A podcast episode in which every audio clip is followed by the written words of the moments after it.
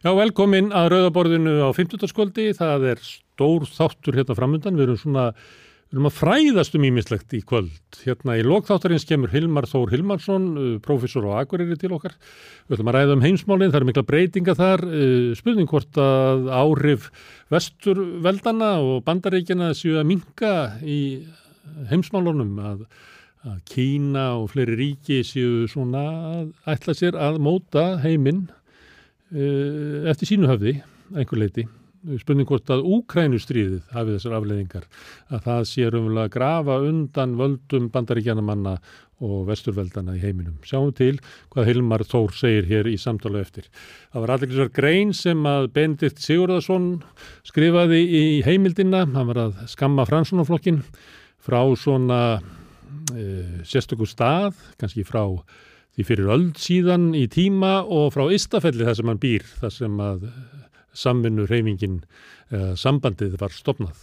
Hann kvartar yfir því að, að það vanti gamlar hugssjónir í fransunarflokkin og það hæfi ekki fransunarflokknum að vera að reka stefnu sjálfstæðarflokksins. Ég ætla að slá á þráðin til Benedikt sér á eftir. Við höfum talað mikið um samkynnismál af gefnu tilefni út af uh, úttekt samkynniseftilitsis á skipafélagunum.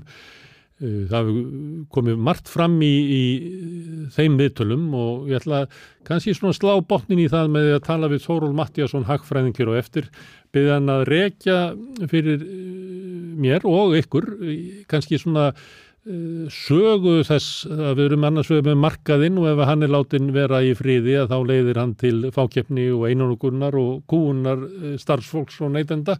Þannig að stjórnvöld, almannavaldið hafa gripið til þessar ásarinn að hemja þennan markað. Og þetta er svona gengið í sveplum í gegnum söguna, ég ætla að byggja Þórúlu að rekja þessa sögu og kannski að staldra svo við á Íslandi og spyrja hann að því hvort að, að hér verði eitthvað tíman eitthvað sem að kalla mætti frálsmarkaður, hvort að hér sé ekki svona náttúruleg staða fyrir því að hér verði fá fákjöfnisfyrirtæki sem að nýðast á okkur ef við finnum ekki eitthvað varnir til þess.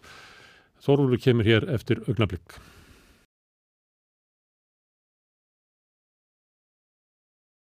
Já, við ætlum að halda áfram að tala hér um samkenni eins og við höfum gert núna í, í Rúmavíku, fengi hér allskynskesti til þess að ræða um samkynnagernu tilefni út af uh, úttækt samkynnus eftirlitsins á skipafélagunum og skýslunni sem að kom fyrir Rómriðviku og við rættum íms að flytta því. Og við ætlum að halda því áfram. Og hingað komin Þórólu Mattíasson, professor velkomin. Takk fyrir það.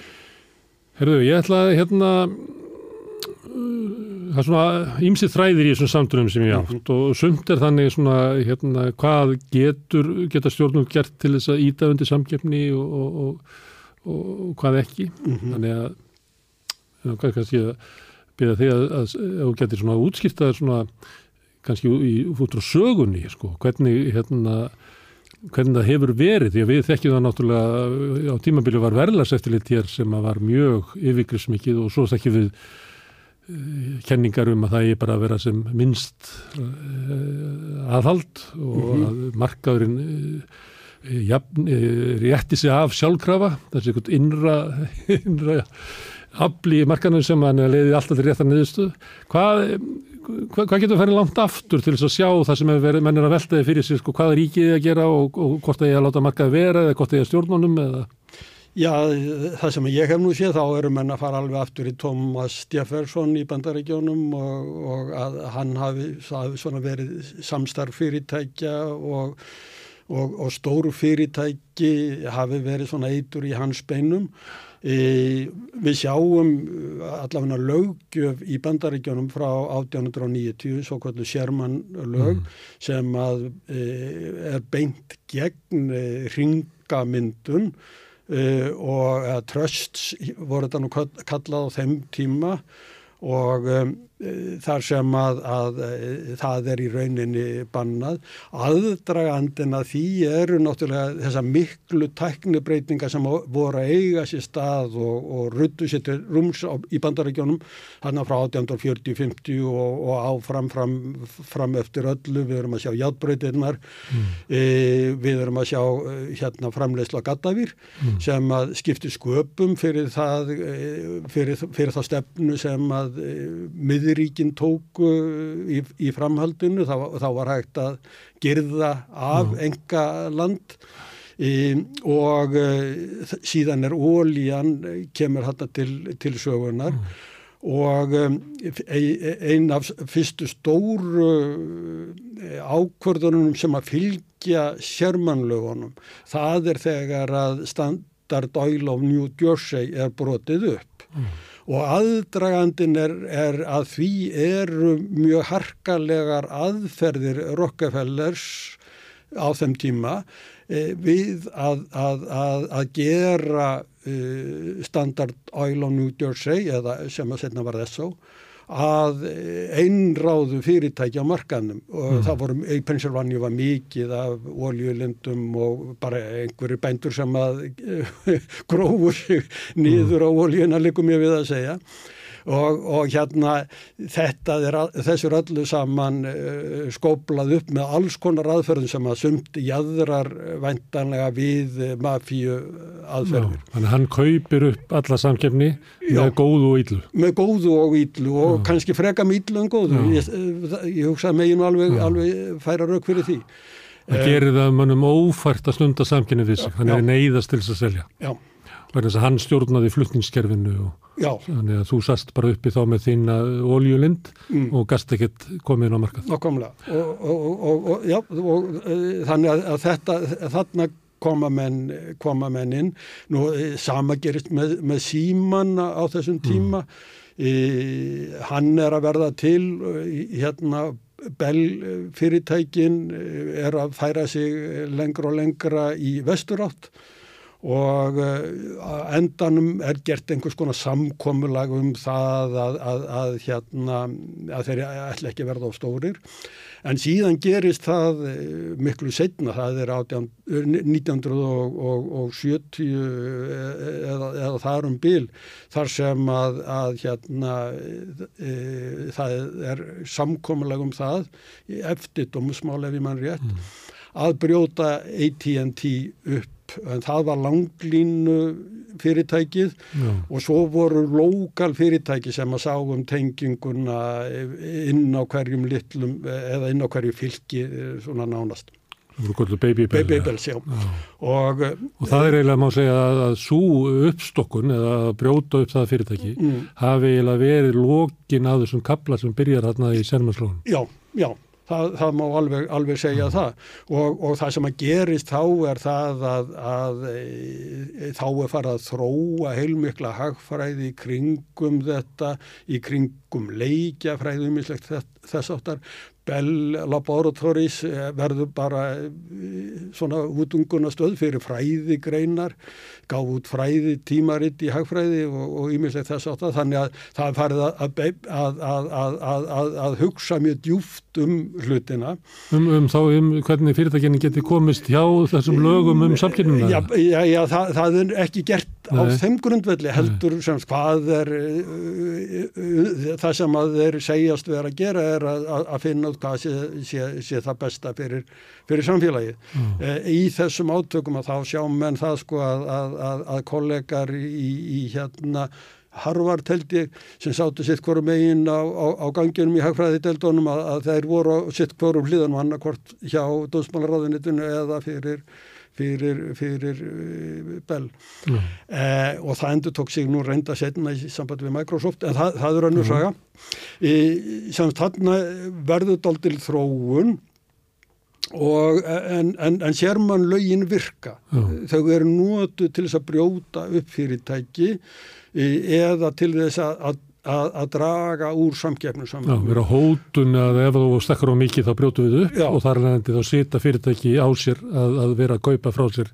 samgefni eins og, og er, er kannski náttúra fyrirtæki að gera ef það engi skiptir sér af? Nákvæmlega, það er alltaf betra að, að fá pening með auðveldum hætti heldur um erfiðum hætti. og, og, og það má, má, má, má getur velti fyrir sér hvort að E, e, hvort að tilkoma þessara lagasetningar hafi ekki einmitt orði til þess að, að, að ebla amerískan kapitalism mm. vegna þess að, að hérna þetta, það var svo mikil áhersla á samkeppni og ef þú ætlaðir að ná eitthvað þá varst að koma með eitthvað nýtt mm. þú gast ekki bara farið og, og, og pínt meira út úr þeim kunnum sem þú varst með nú þegar mm. þannig að það ábyggilega ja, ásamt fleiru það mætti halda þið fram já, held, í drundi dýruna en, en áðurum fyrir maður því okkur þessi svona bilgja brotnar og kemur einhver ný hugmyndum hvernig markaðurinn og, og ríkið virka saman, að þá er þannig að fer þetta í gegnum svona tvær heimstrialdir og þá, þá er náttúrulega miklu meiri svona stjórn á efnaðslífinu og því ég nefndi þarna verðlas eftirlit og svona sem að ég, ég allavega tengi við svona, svona stríðskapitalisma hérna á Íslandi sem að, að þótti verða bara sá kapitalismin sem var stundaður á Vesturlundum og Íslandika bara tóku upp Já. flestir vieku frá honum en við heldum í hana lengur en flestir? Já, já, já, já menn heldu eh, í þetta sem starf, eh, það voru miklar takmarkanir meðal annars á vörflutningum eða vörnotkun, einflutningi og þess aftur í Nóri alveg fram eftir, fram eftir 1960 mm. og eh, en, en þeir stóðu náttúrulega frammi fyrir því að, að, að þjóðverðinni brendun hann að skvert einasta hús í Finnmörku mm. þegar þeir fóru söður á bógin mm. þannig að, að þeir þurftur hreinlega að prioritera þau þurft að ákvaða að nagla og spýtur á að nota til þess að reysa hús í Finnmörku mm. og annars að það sem að hefðu orðið stríðskadar. Mm. Á meðan við náttúrulega verðum ekki fyrir þessu, við náttúrulega töpuðum skipum mm. og, mannskap en, en, en það er ekki hægt að tala um að, mm. að infrastruktúr hér hafi eðilægt að enda mm. var nú kannski engin, engin mm. til svo sem eða ekki það gagni. Kannski ekki rétt að blanda þessu tvennu saman nei, nei, við samkynnuna. Nei, nei, það, það held ég, það held ég ekki. En, ok, en uh, 1970 þá er þessi svona bilgi að fara, þá er önnu svona rísinu upp sem að segir líklega ef að ég, það er ekki með tími sem að ég er komið til vitts ára, sem að segir það að, að ríkið ekki hafa neina afskipt af markanum, það sé alltaf til skada, Já. því að markaðurinn hann leiðir til sig sjálfur. Já, það er, það er í rauninni uh, það, það, þetta er nú svolítið kent við lögfræðing sem heitir Borg í, í bandaríkjónum og e, hann e, og, og, og samstarfsmenn hans að, að þeir eh, segja sko við eigum ekki að vera að spurja að forminu mm. eru fyrirtækin stór eða lítil við eigum bara að spurja eru neytendur að fá ódýra vöru mm. og það breyti og, og smá saman þá nær þessi ná þessi sjónamöð yfirhöndinni og Uh, og, og uh, hugmyndin er svo sem sagt að jafnvel þó að fyrirtækin séu stór að þá getur þau staðið, þá standuðu alltaf fram fyrir því sem ég hef leitt mér að kalla upp næming á, á íslensku eða contestability á, á ennsku mm. það er að segja að jáfnvel þó að fyrirtæki sé einrátt á markaði að ef það gerist of gráðust að þá komi samkeppnisaðilinn. Og svo vísum nú til uh, liðina fyrirtækja íslenskara að þá voru þetta til dæmis uh, flugfélag Íslands þegar að það var einrátt uh, mikið til áður en að hétta Æsland er á, á, á eh, flutningum til og frá Keflavík að mm. þá sögðu þeir alltaf sko British Airways og, og SAS og þessi uh, flugfélag þau eru með opið flugrækstrarleifi gagvart Íslandi og þeir geta komið til okkar hvenar mm. sem er þannig að við verðum að, að, að, að passa okkur á því að verðleikja ekki ofhátt. Möguleiki á samkefni getur haft sömu svona fælingar árif eins og það af hótununum að brjóta þau. Já og þetta var, þetta var kenningin. Svo mm. vitum við náttúrulega að það kostiði álíka mikið að fljúa til Kaupanahafnar ef það ekki, uh, hafði ekki þeimum meiri fyrirvara á því sem það varst að gera eins og að kaupa ring með um nöttin. Mm. Þannig að... að menn gerðu það stundum að kaupa til New York og eiga leggin eftir því hann var í lókipis. Nákvæmlega. Og, og síðan fóru þeir að, að, að gera alls konar kunsti til þess að, að koma í veg fyrir þetta mm. að sekta þig eða eitthvað svo leiðis mm. ef að þú notaður ekki flugmiðaðin mm. En, en í þessari, undir þessari kenningu að þá er það líklega, þá er það bara sterkar að segja það að til þess að lækka verð, mm. að þá náttúrulega verður að leifa fyrirtækjum að njóta stærðarhagvamni og það nærðu með því að leifa einu fyrirtækja stækka eða kaupa og samina og byrjaðu samleður árif og þá smátt og smátt og sittur uppi bara með örf á stór fyrirtæki í þeirri trú að þau muni skaffa neytendum betri þjónustu fyrir lagra verð. Já, en, það, en, en þetta hefur náttúrulega vítakar áhrif og það mm. sem er bent á núna er það að þeim tí, frá þeim tíma sem að þessi kenning verður allsráðandi að, að þá hefur annað gerst og það er það að hagnaður hlut deild bandarskra fyrirtækja uh, hagnaðar mm. af landsframleyslunni er orðið hærra heldur en það var áður og raunlaun hafa í rauninni staðið í stað síðan 1980 mm. í bandargjónum. Og, og, og þá segja menn býtunum við e, þessi stóru fyrirtæki eru þau ekki aldrei einráð á vinnumarkaðnum. Mm þau hafa náttúrulega, það er fleira sem hefur gerst, það veru hérna, þau hafa notað aflsitt til að brjóta upp verkefliðsfélagin, það er reyndar að ganga svolítið tilbaka núna. Verkefliðsfélagin er að sprett upp aftur. Já. Þannig að þú getur ekki haldið niður í óriðalletinu. Já, það morgun getur byrjað verkfall í, í, hjá þremur stóru bílaframleðandunum, það er í fyrsta skipti ára tíu. Já, já, en það er líka verkfall sem við sjáum sem er ekki sprottinu upp af sko gömlu verkefnsfélagurum heldur eru það bara starfsmenn Amazon Já. eða McDonalds sem að það verður eða til ný verkefnsfélag. Það er, það, mm. það, en, en, en samt að það sem að gerist þarna er það að, að, að að, þó að þeir kannski skili hérna einhverju inn á afverðamarkaðin mm. að þá eru þau líka stórir á, á hérna aðfangamörkoðunum, mm. vinnumarkaðnum og þar sem eru að kaupa hérna ráförur og, og svo framvegis og, og, og þeir geta náttúrulega nota það markaðsafl líka ekkert síður mm. heldur hinnum megin. Rætti þetta með annars hann Haugur Lógi þegar hann kom hingað um, sko, um samkeppnis uh, rétt mm. sem er snýrað vinnumarkaði Já. og var það í bandaríkjunum með þetta mikið aðrið orðið Já. og þetta sé kannski aðeins fjarlægar okkur menn er þetta helst í hug sko sjáarútvörun hérna sem eru örfáir stóri sem að drotna yfir öllu að ef þú rýfur kæft samir þá farið kannski ekkit vinnu við sem sjómaði það sem eftir aðvinna sko. Slíka sögur hafa veist. Já, og það er bara ástandi sem er viða í bandriðum að það er eiginlega sveigjaleiki vinnumarkar eins er eiginlega farin já. og þar lendi hafa fyrirtækin þetta drotnunavald og geta haldið launanu niðri og skilað auknum arðið til Já, þannig að, við getum eiginlega sagt að, að samkeppnum ála vörumarkaðnum og þau hafa áhrif á vinnumarkaðum líka. Mm. Þannig að þetta er daldi, þetta eru daldi stór mál og, mm. og, og, og miklu stærri heldur um manni finnst þegar að maður byrjar að að, að hugsa um þau. En síðan, eh, sko það sem hefur gerst nýtt eh, síðan um aldamótin 2000, likum ég við að segja, að það er eh, þetta með hvernig tekuru á fyrirtækjum sem að verða óskaplega stór, eru mhm. núna verðmætistu fyrirtæki heimi en er aðfendaði veru fyrir ekki neitt. Þú er að tala um Google og Facebook. Ég er að tala um Google og, og, og Facebook og, og slíka aðila. Og Amazon að vissu marki. Já. En að því vorum að tala um svona bylgjur í svona Já. hugmyndum um, um hérna, hlutverk ríkisins og markaðarins. Já. Að má ekki segja það að þessi fyrirtæki hefðu aldrei orðið svona stór nema því að þau fæðast eiginlega í tímabilinu þar sem að liti svo á að ríkja eiginlega ekki hafa neina afskipt og markaðurinn jafnir sér sjálfur ef þetta hefði orðið til, ef netið hefði verið fundið upp 1950, mm. þá hefði þetta ekki verið leift að, að verða svona stórt. Þess að hérna, Facebook hefði aldrei fengið að kaupa Instagram og þar föndu gutun. Nei, nei, nei, það, það, það, það hekki að sé, sé rétt hjá það. Þannig að við erum með þessi stóru fyrirtæki að suminiti vegna þess að þau fæðast inn á þessum tíma, já.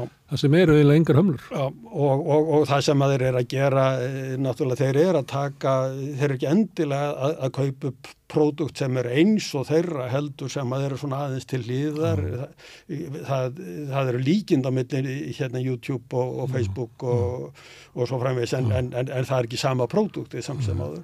Og maður sér alveg fyrir sér að það geta, geta uh, unnið saman. Þau hafa rosalega áhrif á hérna, samfélagin. Já Nú það, það sem að gerist sko í, þarna já snemma á, á fljóðlega eftir aldamótin sko þá er þarna málsókn gegn Microsoft já.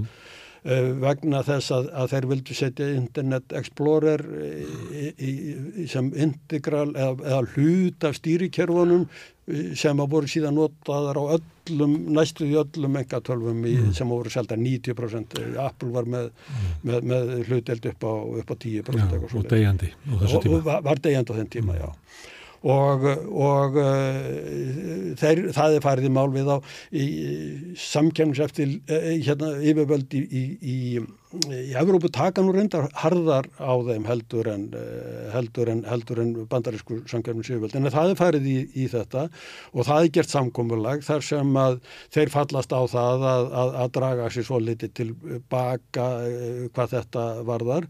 Og svo skilst mér nú að, að í ranni Microsoft hafi nú gerst stefnubreiting á allra efstu stöðum með nýjum forstjóra að, að, að, að þá sé þá sé meiri áhersla lögð á, á samvinnu og, og svoleiðslega heldur en að, að kaupa upp keppunauta og slá lappirnar undan þeim. Mm. En Microsoft var svolítið þannig mm. á, á þessum tíma. Í, en, en, en, en þetta er eiginlega áður en sko leitar vel Google kemur upp og, og, og áður en að Facebook mm. kemur. Mm. En, en síðan sem Google byrjar að, að henda út sko alls konar pródúktum, ekki bara vafaranum heldur hérna rítvinnslu forritum og töfluregnum og öllu möguleg sem er ókeppis. Mm. Og, og, og Kortum og þýðingavélum og guðmátt og hverju ekki já, það er bara mm. allt sem að, sem að þú getur sleið á likla borð sem mm. að þeir einhvern veginn fást við Og, og er þetta ekki bara gott mm. og síðan þegar menn fara að velta fyrir þessi viðskiptalíkaninu að þá er náttúrulega þá, þá kemur í ljós að, að, að hérna, þeir eru ekki að af, afhenda eitthvað ókipis mm. þeir eru að verða sér út um upplýsingar um notandan hvort sem að nota hann nú svona hérna gagvart honum persónulega það held ég sé nú mjög sjálf sjálfgeft að það sé. Mm. En, en, en hins vegar að, að þá fá þeir myndir af hópum mm. og nota það síðan í áframhaldinu þegar þeir eru að selja auglýsingar hérna þar sem að, að menns eða konur sem að hafa hort á einhverja ákveðna tegunda fréttum mm. eða einhverju svoleiðis fær það, það, þá er búið að mappa áhuga sviðið og, og, og það sýnir sig að þetta er mjög öflug auðlýsingamennska og, og þeir nýta sér þetta mjög, mjög grimt. Nú þarna eru mjög af, af náttúrulegum ástæðum mjög sterk öll sem, sem, sem, sem íta í undir það að, að, að fyrirtæki verða stór. Það er ekki bara sem sagt að, að uh, vilji stjórnmyndana til að þess að ná mm. þessu undir sig heldur að þá bara eðli tekninar þannig. Það er mjög erfitt að koma með nýja litavél. Hvað er það mm. rauglísana? Hjá Google. Mm. Og, hverju, og hvað átt að segja þá? Að, að hún sé betur en, en litavél Google. Hvað gerir Google þá? Þeir setja 20 frásagnir af því að, að Google sé betur í litavél heldur en mm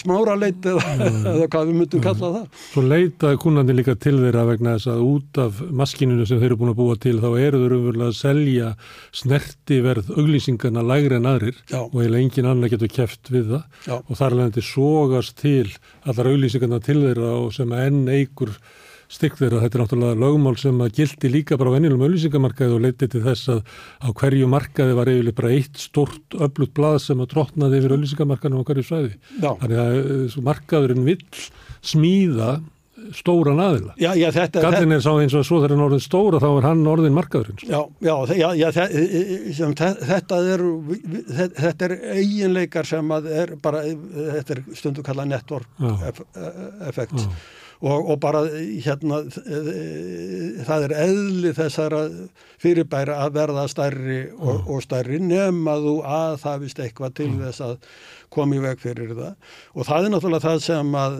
stjórnvöld geta eh, einhvern veginn komið að því máli með því til dæmis að, að, eh, hvort er heimala samrunna og ímyndslegt þess áttar og náttúrulega munurinn á, á hérna á dagblaði og á Google er sá að, að dagblad nær eh, bara... Ekki heimsifir á það. Já, hann er ekki heimsifir og, og, og, og það er mjög... New York Times getur eins og náðu fótvestu í Flórida þó að séu sko geðingarnir frá New York flytti þangað í ellinni. Já. Það náður ekki fótvestu þar. Nei, það, það er vegna að, að, að já, það, já. það er, það er lokalt sko en, en, en, en Google er búið að búa til koncept sem já. er globalt og það er náttúrulega mjög erfitt að, að, að, að keppa við það mm. og, og, og, og drefur niður lokal fjölmiðla sem hafa þurft á auðlýsinga fyrir að halda.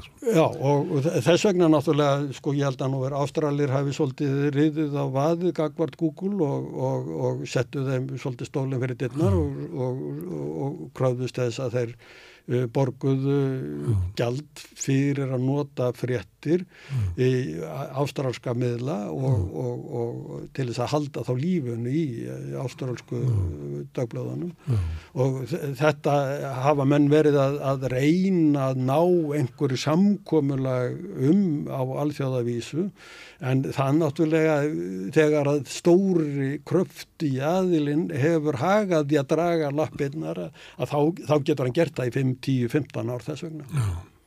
En ef þetta eru svona bylgjur, ef það er hérna fyrsta bylgja og svo kemur hugmyndunum það að markaður leðir til sig sjálfur, er það þannig að það sé risin upp uh, þriðja bylgjan svona eftir hrun, það sem er svona hugmyndum það að við getum ekki látið markað en bara sjá um sig sjálfan, það er bara kallar yfir okkur hörmungar. Hugmyndin er komið fram og það verður daldi svona, eh, það verður svona daldi tilrauna eh, verkefni fyrir, eh, fyrir bandarískun domstólun núna í málaferðlum dómsmálaráðunætisins gegn Google. Já þar sem að það tekist á um það hvað, hvað, hvað Google e, má gera og, og, og hvað ekki. Já, og er svolítið átök um það sko hver er, hvert er hérna, réttur e, hins svo kallaða markaðar og hvert er réttur almannavaldsins. Þannig að þetta er svona, maður gæti horta á þetta sem svona stjórnmála lega vangaveldur sko. Já, já, það er... Fullveldi sinnarnir sem eru margir á Íslandi, þeir ætti að fylgjast með þessu. Þeir ætti að gera það, já. Þetta er svolítið um það, hvað er, er fullveldi almannavaldsins? Já, já, nákvæmlega, nákvæmlega. Og, og hvað eru við búin að semja af okkur þannig að markaðurinn sé, ó, enna, sé ósnertalugur af almannavaldinu? Já, já. Já, það mætti horfa á þetta með þeim því að veri. Já. Já. Fylgist þú með þessu? E, ég, var, ég fylgist svona, nei, ég mun nú ekki fylgjast með nei. hvað gerist í dómsal. Það, það er of, það er of mikið lögfræði mál til þess að ég geti, ég mun líka... Ég held að þessi nefnandiðin, Jóhannes Karlsson Hraunfjörð, hann hefur búin að skrifa eina frétti á okkur í, í samstöðinni og, ég held að hann alltaf fylgjast með þessu og gefa okkur skýslur inn á samstöðum. Það er mjög gott, það er mjög gott, já góðum aður í það að sendi þetta mál. Já, já. En, en, en, en semst það sem að uh, Google er, er ásakað um er semst að það að, að bera fyrir á önnur fyrirtæki mm. í því skyni að hafa exklusívan eða, eða mjög góðan aðgang til dæmis gart Apple þar sem að þeir hafi borgað Apple fyrir að, að, að leita vel Google sé vel sínileg mm. á, á þeim á þeirra plattformum og þetta vilja þetta segja menn sko ég hafa bara verið að borga fyrir sjálf, sjálfsagt að komi greiðslu fyrir þetta segir, segir Google mm. og Apple mm.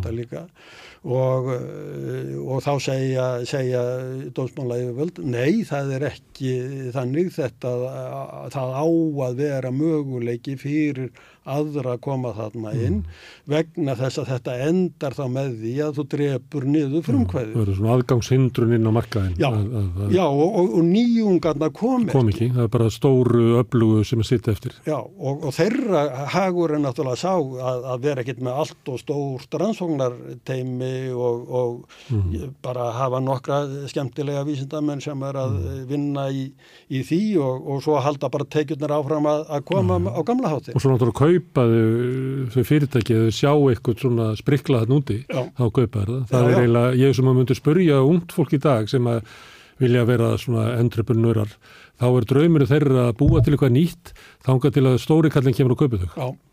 Það... Ég held að það sé enginn sem að sé fyrir sér að búa til eitthvað alltaf svo að lifa af, af, af, af því fyrirtæki til framtíðar. Draumurinn alltaf að vera að stóri kalli sjáuði og kaupið. Já, það, það var nú sagt sko e, svona e, í kringu 1990 sko að, að, að ef að menn voru að reyna að finna eitthvað upp á, á tölvusviðinu að ef að þeir samþitt ekki tilbúið sem kom frá Microsoft að þá setti Microsoft tvær deildir í bjóð til tvær deildir til þess að búa til sama pródúkt sko. Þannig að, að, að það er afl þeirra. Og við þekkjum þetta, svona hegðaði kea sig á að ef einhverju gekk eitthvað vel að þá var komið bara eitthvað fyrirtæki við hliðina sem að vera í EUK Já, við, við, við, við getum bara fæðið okkur nær sko mm. þegar að, að hérna Arna fór að bjóða upp á laktósafría mm. mjölk að þá kom allt í einu laktósafrí mjölk frá mjölkursamsölunni við hliðina Mm. Þegar, að, þegar að Costco fór að flytja inn gríska jógurt í einslíters dollum mm.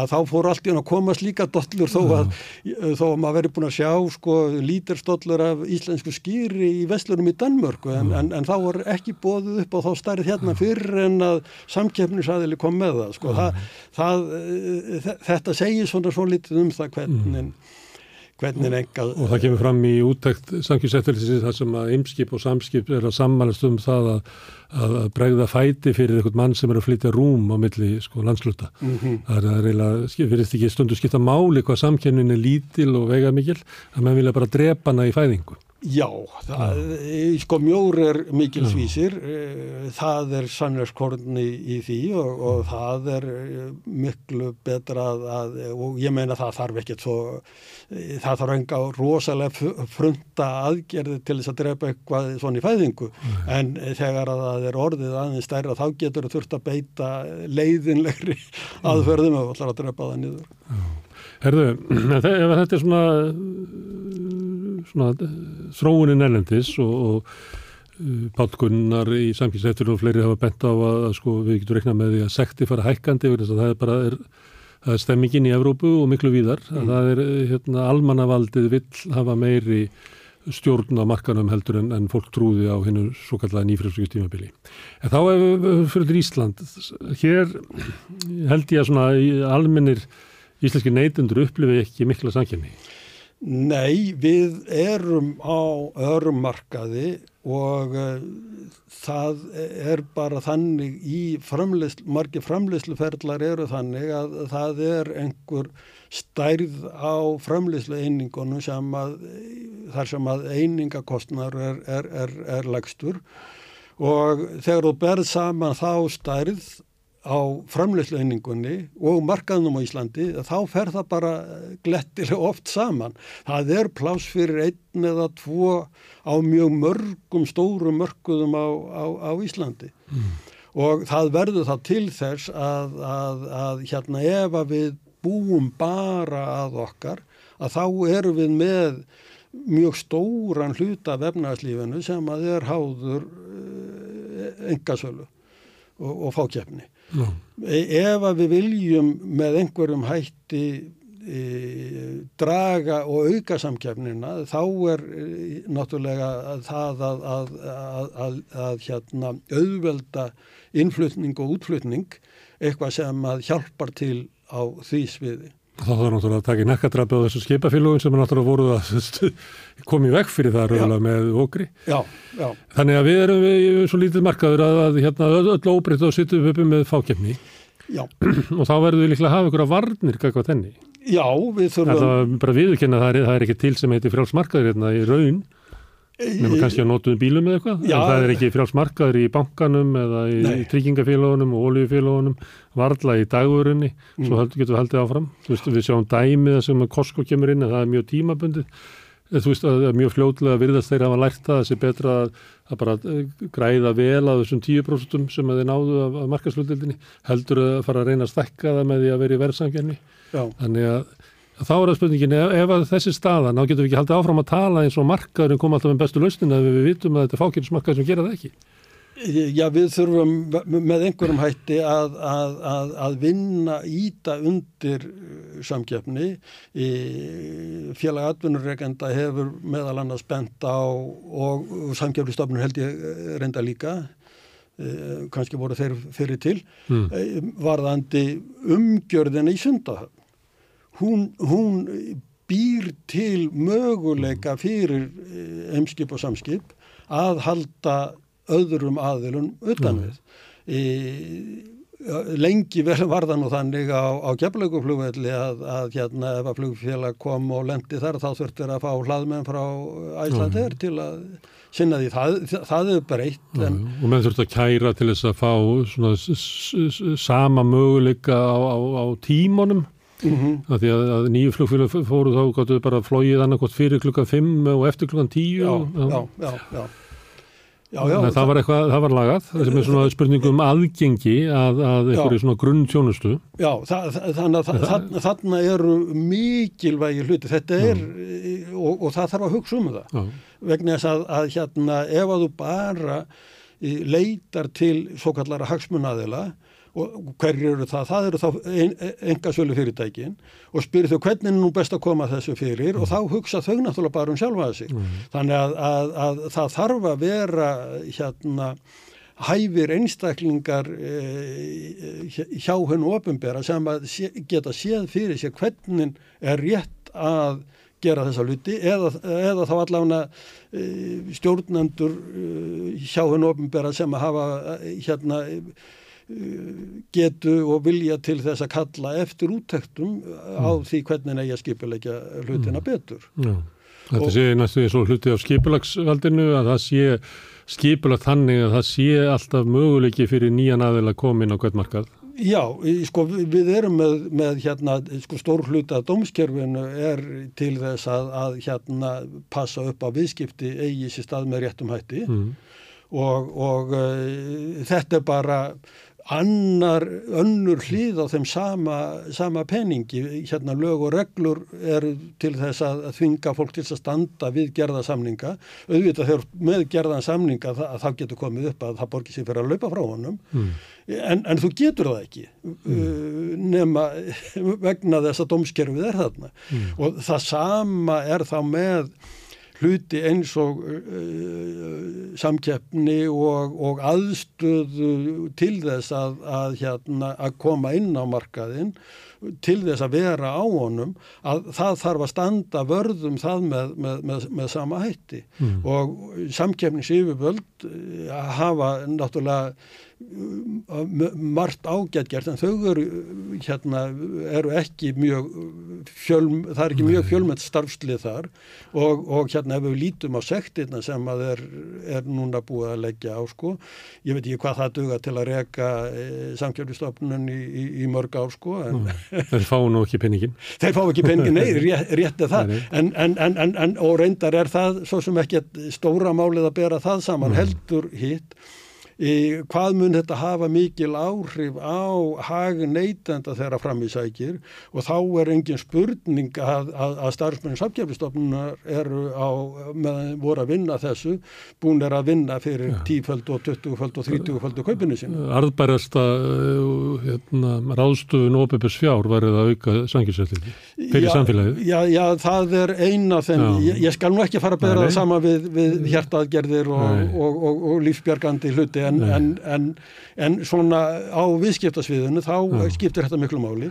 En við sjáum það að í hver skipti sem að samkynumstofnun gerir eitthvað sem að býtur að þá er farað að tala um að það þurfa að fara afregluvæg eða leggja hana niður eða samin hann inn í annað til þess að setja stokkan upp og það hefur verið gert áður og hefur verið gert við aðra stofnar líka. Já, já og, og menn hafa svona sem uh, hugsað sér svo með því að, að, að, hérna, að samin annari stofnun að þá sé hægt að skiptum forstjóra mm. og uh, en, en það hefur nú ekki alltaf reynst þeim vel sem að töldu sig verið að fá eitthvað betra Nei.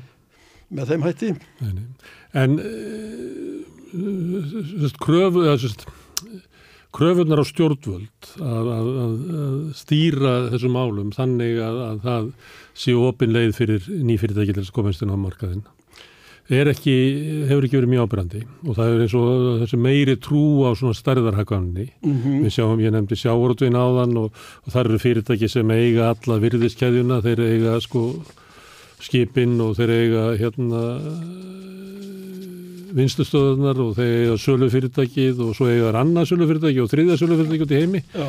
Þannig að þeir eiga alla virðiskeiðuna Já. sem að, að menninir 1890 fannst ekki vera snjált. Mm Þannig en, en hinn á móti þegar maður talar um þetta, þá er alltaf talað um sko stærðarhagkvæmnina og hvort þá vil ég bara hafa ykkur bara trillur og, og trönur til þess að hengja upp skreið eins og að þessi forsenda sko tækni framþróunar að hafa stóru og öllu fyrirtæki, þú kannast við þetta.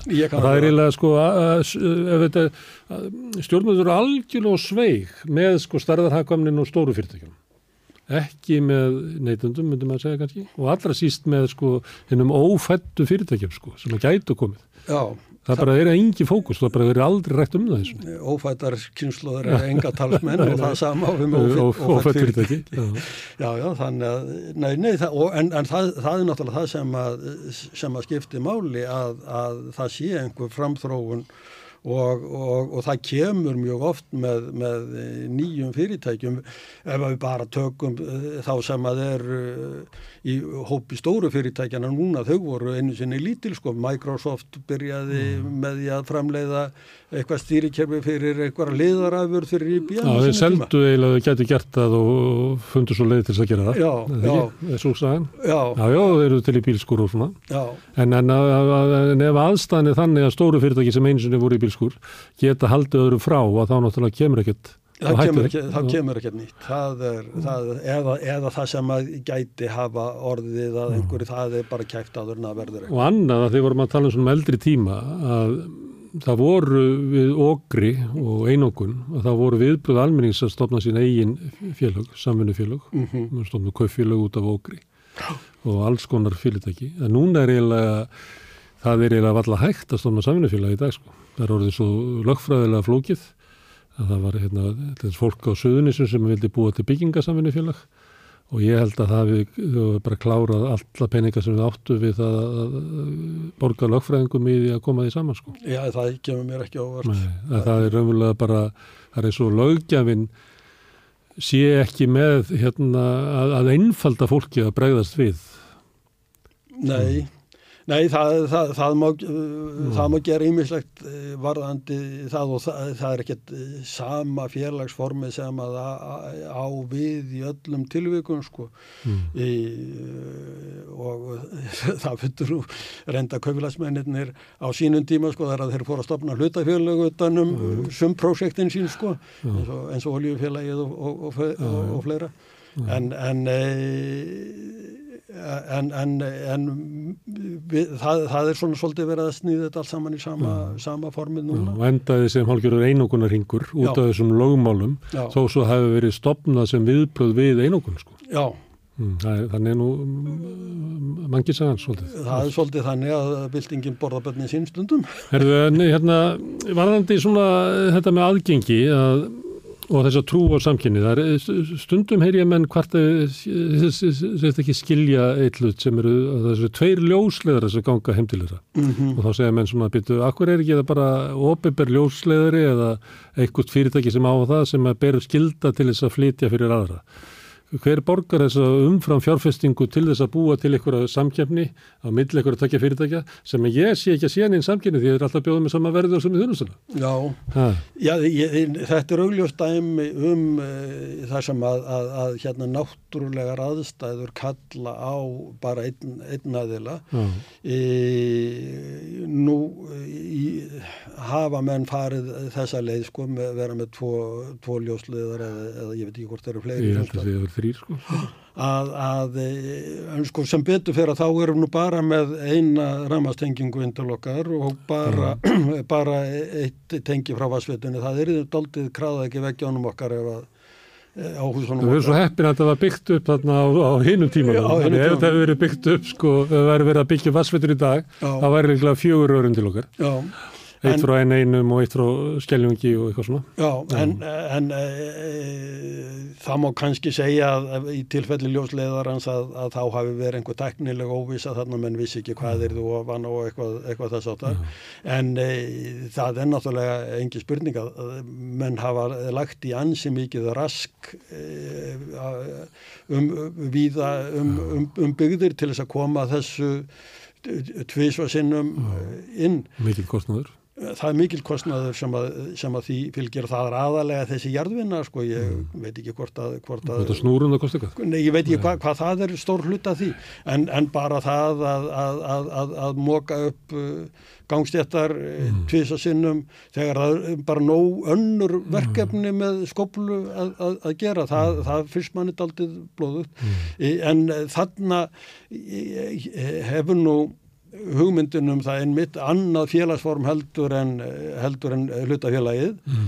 í, sem, að, sem að menn hafa þá verið með ofinber fyrirtæki eða sveitafélaga fyrirtæki. Svo takað sér einhver svona grunnveitu Já, og svo og, má ef að maður vilja þá geta menn sett einhverja samkynnan á endan. Þeir geta, þeir geta gert það að, að, að gatan, gatan sé í eigu sveitafélagsins mm. eða, eða nærsamfélagsins en, en það sem að fer eftir henni það þarf ekki að vera í eigu mm. bílætin sem keirir til göttuna þeir þurfa ekki að vera í eigu mm. þessum að á göttuna mm. og, og, og uh, það, það uh, þannig hefði verið rétt að hugsa þetta það var náttúrulega þegar að hérna símin var seldur á sínum tíma þá var grunnettið selt líka og svo búið að selja það einhverjum, einhverjum útlendingum Já. núna og við vitum ekkert hvernig tróun á því verður og, og og hvernig, hvernig um það verður haldið og, og hvort að, að sá aðili sjáu sér í hagi í því að uppfæra netið e, í samræmi við nýjustu tækni eða bestu tækni eða þá tækni sem að hendar. Það vil örgulega bara fá arð af sinni fjárfestingu? Eðlilega, ég, ég, ég, meina, það, ég er ekkit áfællast viðkomandi fyrir, fyrir það. Hann, hann gengur inn í leikin á, á algjörlega klárum forsendum og það er alveg vita hverja þær eru. Það er spurningin hins vegar með ákvaða forsendu þeir sem að, sem að fyrst keiftu grunnet og síðan seldu það, gerðu það. En, en, Þannig að það gæmi, gæti ítt undir samkenni ef að svona grunnnet, grunnkerfi, eh, aðstæðan í sundahöfn og fleira væri annarkort í óbefregu eða óbefri stjórn eða þá undir kvöðum enga aðila þannig að þeir eru að hleypa öðrum að. Að, já, já. Já, já, það er náttúrulega... Fyrir utan hérna, eh, þjóðarslegt öryggi sem að menn hafa nú talað í sambandi við, við hérna, greiðslumiðlununa og fjarskiptabelluna. Já, Já, já það, það er náttúrulega þá eru komin inn og hernaðar, hernaðarlega hluti líkum við að segja. En, en já, já, það þarf að, það þarf að, að, að hérna, hafa þennan aðgang opin eins og þú sagðir áðan sko, þegar að einhver er komin með alla keðjuna frá upphafi til enda í fjarskiptum með einhverju þessartar mm. að hérna, þá er viðkomandi búin að fá ansi mikið, ansi mikið vald. Já Herðu, Þórólur, gerð það ekki fyrir að koma hérna við rauðaborðið og spjalla um samkynni. Takk fyrir það. Herðu, við ætlum næstu því að tala um samkynni, við ætlum að tala um fransunarflokkin og kannski kemur sambandið eitthvað við sögu í því spjalli sem ég ætla að eiga við Benedikt Sigurðarsson hér á eftir. Samstöðin er í eigu hlustenda, áhorfenda og lesenda. Þú getur átt samstöðina á samt öðrum félögum í Alþýðufélaginu. Þú getur gengið í alþýðufélagið á samstöðin.is. Þar er nappur sem segir skráning.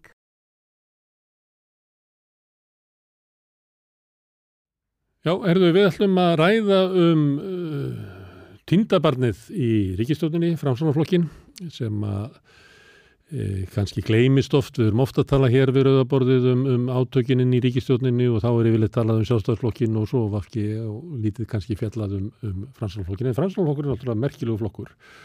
Og það vil svo til að það má eiginlega rekja uh, upp af hans að Ístafelli þar sem að viðmæland okkar er Benedikt Sigurðarsson uh, Vertu velkominn, þú varst að skrifa grein í heimildina um fransalflokkin og það mátti helst heyra að þegar hefðu fundist að sá flokkur hefði svona tínt eh, uppröðan sínum og erendi?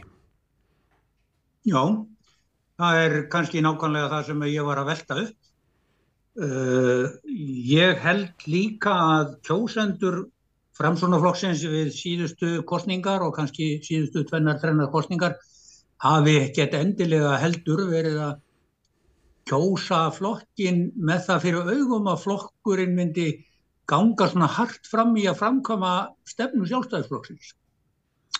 Ég held að, að sko, upp af framslónaflokksins var á allt öðrum slóðum Hann var til að byrja með fyrsti megin anstæðingur sameinast borgara íhals á Íslandi á árunum 1916 til 1940 og, og 12 lengur og var kjölfestan í þeim félagsíkju stjórnmálum sem að náðu fótfestu með, með því að framsunaflokkurinn náði meira hluta og síðan með allþjóðuflokkum mm.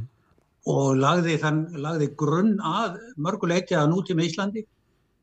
Uh, og ekki síst kannski á þeim sviðum sem að núna eru svolítið undir hjá framsunaflokkum og um, mentabildingin sem að uh, Jónas og Hriblu ótvírætt átti langstæstan þátt í að, að skapa á, með héraskólum á, á um alland á áránum millir 1920 og 30 og síðan með því að heimila mentarskólanum og akkurir útskjára stúdenda þá var það alveg gjör breyting og aðgengi uh, almúa fólks vitt um landið að mentu mm. og núna er þetta aldrei undir og er sannarlega ástæða til að rifja það upp í, í, í hérna, samhengi við þann ótrúlega klauvalega ruttaskap sem að ásmundur einar sem kalla sér baldnamálar á þegar að fer á stað með gagvart framhaldsskólunum í landi. Mm. En þar er hann auðvitað að framkvæmast fram, niðurskura stefnum sjálfstæðisflokksins og uh, er held ég í þessu tilfelli svo óheppin að hann leggur til atlögu við stofnanir uh, á landsbyðinni bæði sem eru sem sagt, sér, svolítið sérstakar en engum fyrir það að þetta eru stærstu framhaldsskólanir sem eru að tjóna landsbyð mm. og, og eiga sér merka sögu um, og hinleitinu líka þá er allt í lagi að rifja það upp að þegar að þegar að lög voru fyrstu drög að verkamannabústaðakerfi á Íslandi 1929 þá hafa menn tilhengu til að þakka það fyrst og reynst hérna í Valdimarsinni en menn gleima því að í alþingi Íslendinga á þeim tíma því, þá réðu framsóknarflokkurinn alþingi. Það var framsóknarflokkurinn sem skapaði lagaramman utanum þetta, þetta kerfi og á árunum og, og, næsta árati og eftir þá þá var framsvonaflokkurinn ekki síður virkur í því að skapa einhverja tegund af uh, já, tilraunum til að bæta húsnæðisastöður almennings bara um, um all land. Mm. Núna uh, horfum, horfum við eiginlega með skjelvingu á það hvers konar endemis fár er búið að skapa með, með á húsnæðismarkaði. Þar sítur innviðar á þeirra formaðu framsvonaflokksins við stýrið og þar er hann aftur að framkama stefnu sjálfstæðisflokksinn sem er akkurat gegn því að almenningur geti veitt samtakamætti sínum og haft aðgang að tiltölulega hagkvæmu lánsfér til að koma upp yfir sig örugu heimili. Eh, hann gengur þarna algjörlega erinda sjálfstæðisflokksins enda er tólkun hans á núgildandi reglum um, um, um, um íbúðalánakerfi gegnum húsnæðis og mannverkjastofnun. Tólkun Sigurðar Inga er fyrst og fremst endurvart á hardrægum uh, markaðsvæðingar gröfum Bjarnar Bendikssonur og fjármjörðaröndir mm. og á því er engin laununga að, að, að hérna ef að, svo, ef að svo heldur fram sem horfir þá, þá verður bókstaflega skrúfað fyrir um, all, alla möguleika sjálfstæðra íbúðafélaga eh, sem eru almenn íbúðafélag, hvort sem það er búsetti eða, eða líkfélag eða uh, íbúðabyggingar til með svo vegum uh, hérna, uh, félaga aldraða. Mm. Einu íbúðabyggingar sem að mundu hljótan náð fyrir sko þessum, til fyrir fjármögnun eftir þessum farvegum sem að ríkistjónin heldur á og ber ábyrð á er örlítil skömmtun á smá nokkrum íbúðum á ári fyrir allra fátakasta fólki. Mm. Bæði allra fátakasta fólkið á vinnumarkaði í gegnum bjarg íbúðafélag og uh, mögulega einhver hjókrunarheimilega þjónustu íbúður fyrir aldraða sem eru sérstaklega ílla settir. Mm. Þetta er auðvitað raunalegt að sjá þegar að við þegar við í raun og þegar þjóðfélagi er komið á þann stað ríkist, ríkidæmis sem raunin er, þannig að, að sko það er svo, það er svo fullkomlega óskinsamleg pólitík að, að uh, keira í, hérna, húsnæðiskerfi í, þennan, í, þessa bóndabegu uh, einokunar og fákjefnismarkaðar þar sem að bankakerfi bjarnabenn og, og nú segi ég bara bankakerfi bjarnabenn vegna þess að það er við sama hvað minn segja um, um, um stjórnina á ríkisböngunum landsbánkanum er stjórnaði gegnum bankasíslu ríkisins og uh, allir stjórnendur landsbánkas eru þannig handvaldir af Bjarnabendir sinni mm. og sama hátt er, er líkil staðar ríkisins í Íslandsbánka endil staðar. Og uh, þar stendur ekki til að, að beita þeim eða heimila þessum fjármálastofnunum í eigu almennings að fjármagna hafðkvæm íbúðakjör fyrir þennan sama almenning. Og ég held að, ég held að þetta, að taka þetta að sér hafi alls ekki verið, þetta tvent sem ég er að nefna, hafi alls ekki verið á neitt nátt hlutverk framsóknarflokksins í íslenski pólitík, hvað svo sem við sem erum núna á góðum aldri getum rivjað upp um niðurlægingartíma framsóknarflokksins í samstarfi við sjálfstæðisflokkin engum undir stjórn Haldur Sáskrimsson. En má ekki nefna kannski þriðja atriðið sem að er uh, aftur innviðar áður að sem að er með ráðagerðir um einhvers konar engavæðingu vegakerfisins. Hann kallar það samfunnuverkefni þar sem að enga aðilar fá að reysa brýr og allt svoleiðis. Trúbla það ekkert uh, mann á Ístafelli að, að samvinnan sé þannig tólkuð? Ég, ég held að, að, að forverarnir sko að alveg minnstakosti fram yfir Stengrim Hermansson hefðu ekki tekið þátt í svoleiðis leikriti mm. það er allt annað það er allt annað að, að, að hérna uh, ríkið taki lán til einhverja tildekina framkvæmda við, við sem munum eftir því þegar ringveginum var lokað við skeiðar og sand þá var það gert með sérstakri fjármögnum það var ekkert aðtúavert við það að, að verkefni af þeirri stærðargráðum eða við samtíman væru fjármögnum með einhverjum slíkum hætti. Ég tala nú ekki um, ég get bara nefnt eitt dæmi sem er kannski býstna nærtækt þar sem ég sitt. Það eru einbreyðar og ónýtar brýr um all land sem eru með gríðarlega umfjörðarslýsahættu mm. og eins og hér komið vekk fyrir eðlilega fluttninga millir milli, hérna, húsavíkur og akureyrar til dæmis. Að, að sko það væri auðvitað ekkert aðtóvert við það að, að ríkið tæki lán með einhverjum sérstökum kjörum eða með einhverjum sérstökum útbóði til þess að fjármækla slíkar framkvæmdi og þá getum við alveg ímynda okkur að svo kallaðir margum rættir fjárfestar ættu þar færi á að uh, skapa sér arðsemi en þá ekki eftir sjálftöku heldur í ramma sem er bæði gagsær og sínilegur og tryggir jafnfræði allra aðeins. Mm. Mm. En segðu mér, uh, Benedikt, uh, þú sagðir á hérna, menn á góðum aldri að, að þú mannst þessa sögu að einu sunni var fransunarflokkurinn rótæk alþjóðurheyfing sem að stilti sér upp á móti borgarlumöflum og innleiti hér já, svona uh, valdfjöldans bæði í almannavaldið og í gegnum samfinnufélug og kaufélug og annars líkt.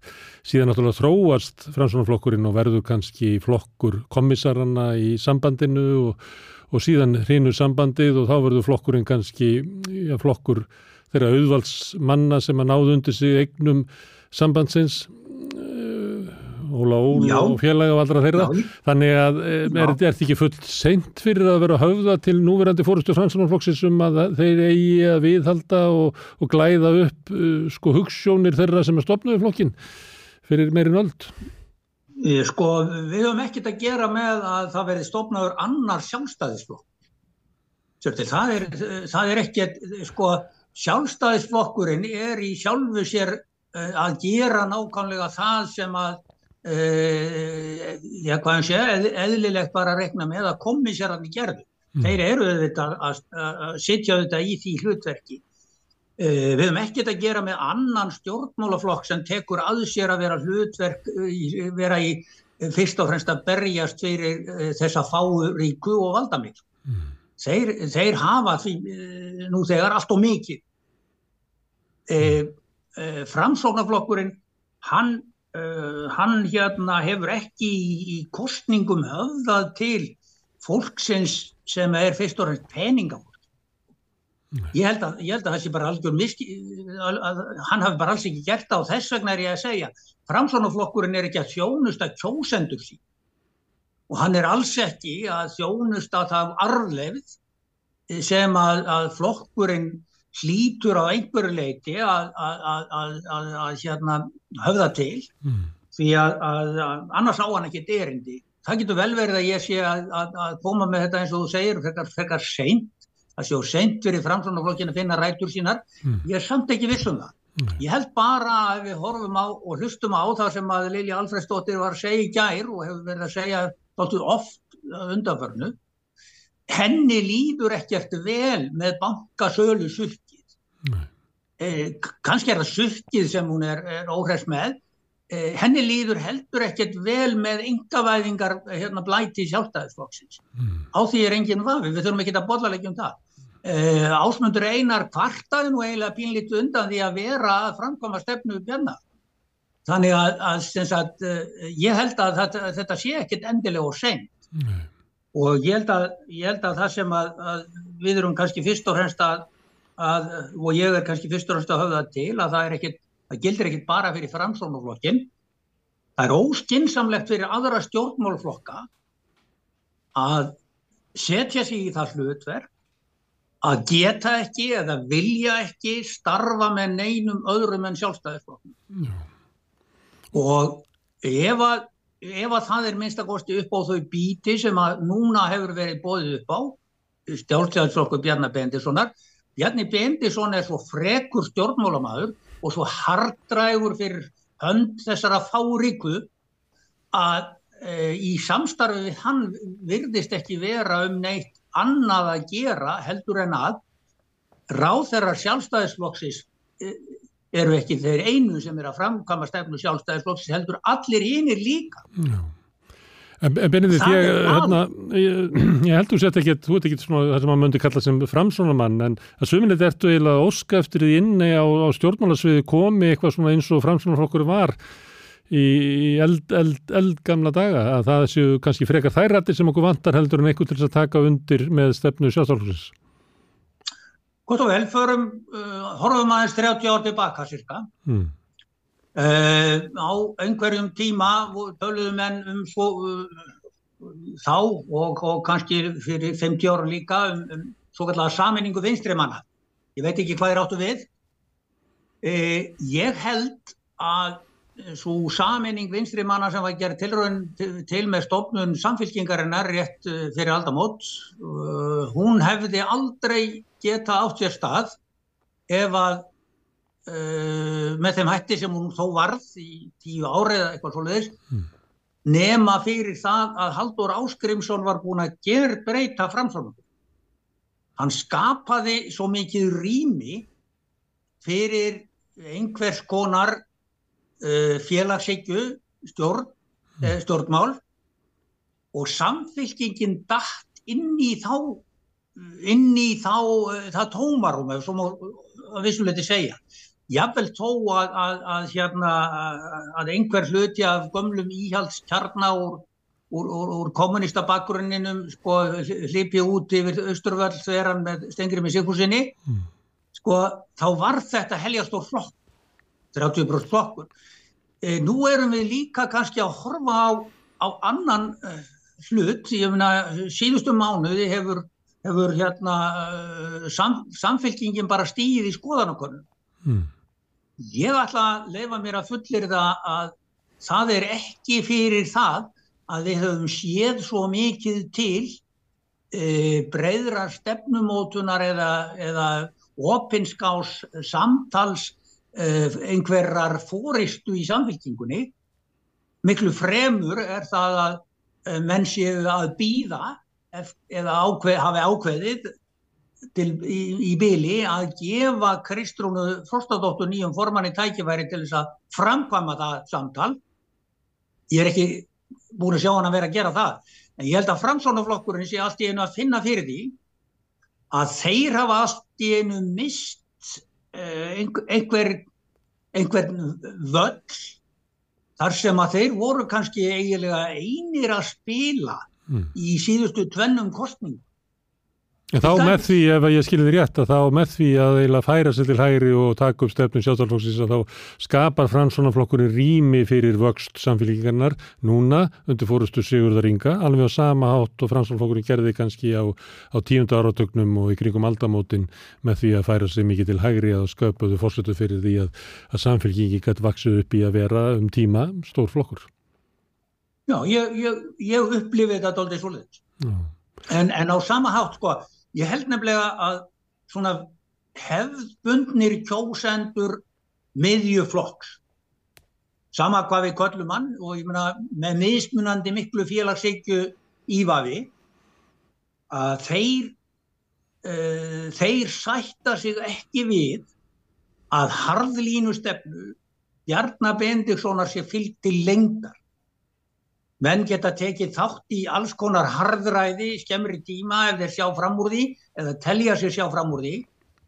Og ég held að, ég held að, að, að, uh, það, það sé, þetta sé reynlega að krafa um það núna á þessum misserum að það verði breyting á stjórnmálunum og í mínum huga er eina krafan sem kjósendur eru eiginlega að halda uppi, hvort sem þeir segja það opinskátt eða ekki, við viljum gefa sjálfstæðisflokknum frí. Já. Erðu, má Ég ég... legg- jafnvel að kjósendur sjálfstæðisflokksinn séu farnir að segja þetta sjálf. Já. Má ég leggja eina þraut fyrir þig að í, í síðustu þingkostningum að þá vann Franssonarflokkurinn mikinn kostningasögur undir slagorðinu er ekki bara best að kjósa framsókn. Hvað gekk þeim kjósundu til sem að svöru þessu kalli og kjósu framsókn? Hver var merkingin í þessu?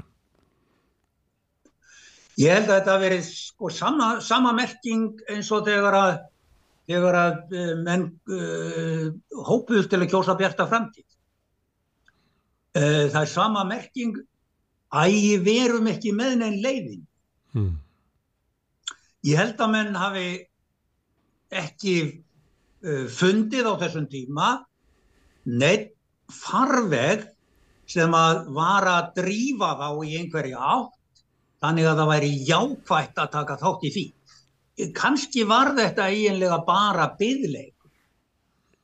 Já. Ég held það. Já. Heldur að þeir kjósutur getur farið yfir á samfélgíku núna og hugsa með sér að það er ekki bara best að kjósa Kristrúnu? Ef að, ef að það verður kosið í dag, þá, munu, þá myndi að mínum uh, áliti verulega stór hópur sem kaus framflokk síðast, kjósa samfélkingun í dag. Mm. Ég held það. Já.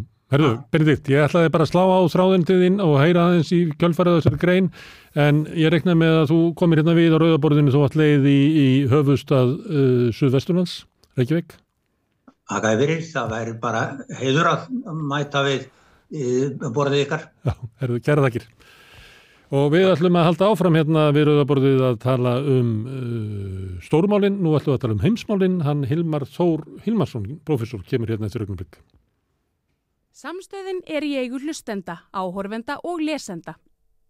Þú getur átt samstöðina á samt öðrum félögum í Alþýðufélaginu. Þú getur gengið í Alþýðufélagið á samstöðin.is. Þar er nappur sem segir skráning.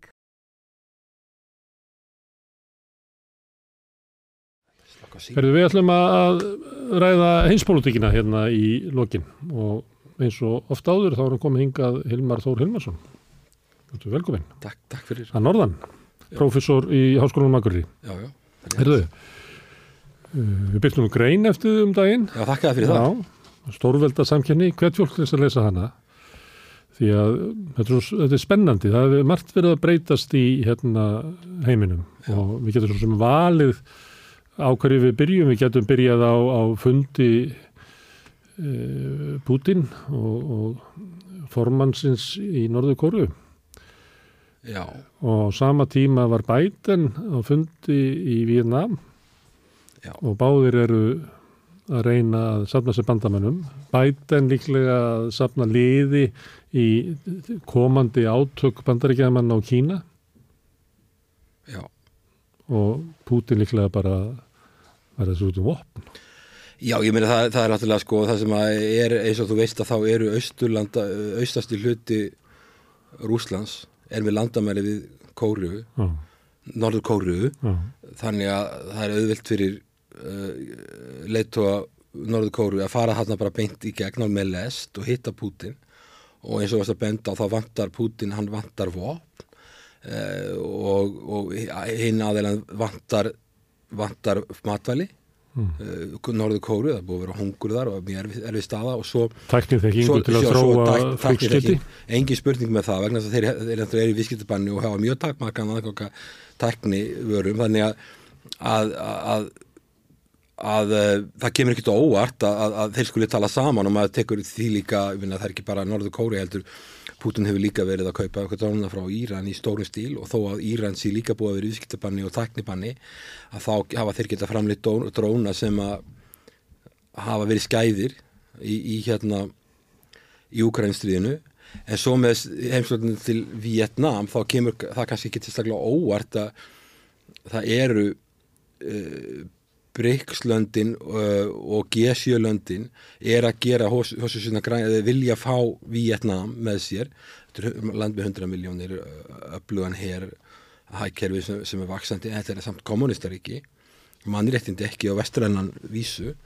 En, en Biden fór þarna og sko auðvitað er Vietnam í stórveldasamkefni en þeir eru, reali, þeir, þeir eru realistar, þeir vilja ekki blandast inn í þessa samkefni, þeir vilja ekki taka afstöðum í kýmverjum eða bandaríkjamannum Vilja vera svona sæmilið vinir allra. Já, það er skins, það er bara re, re, realista stefna, þetta er ekki eins og Úkræna sem bindur sig við, að, að, við NATO og ESB og verður þá óvinnir hins aðlands sem ræðst á landið og vilja eiðilegja það. Mm. eins og það sem er í gangi núna, það er bara að vilja eiðilegja landið.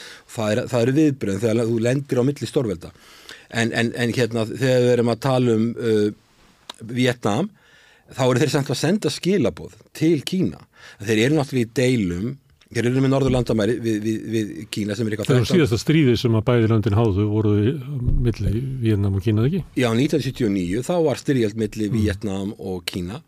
Og svo eru de deilur í söðu Kínahafi og þannig að, og það er aðal deilurnar eru það núna, það voru deilur, deilur út af eigaklösum líka og það eru deilur út af eigin sem eru milli Vietnam og Filipsega sem kynverjar vilja hafa aðganga mm.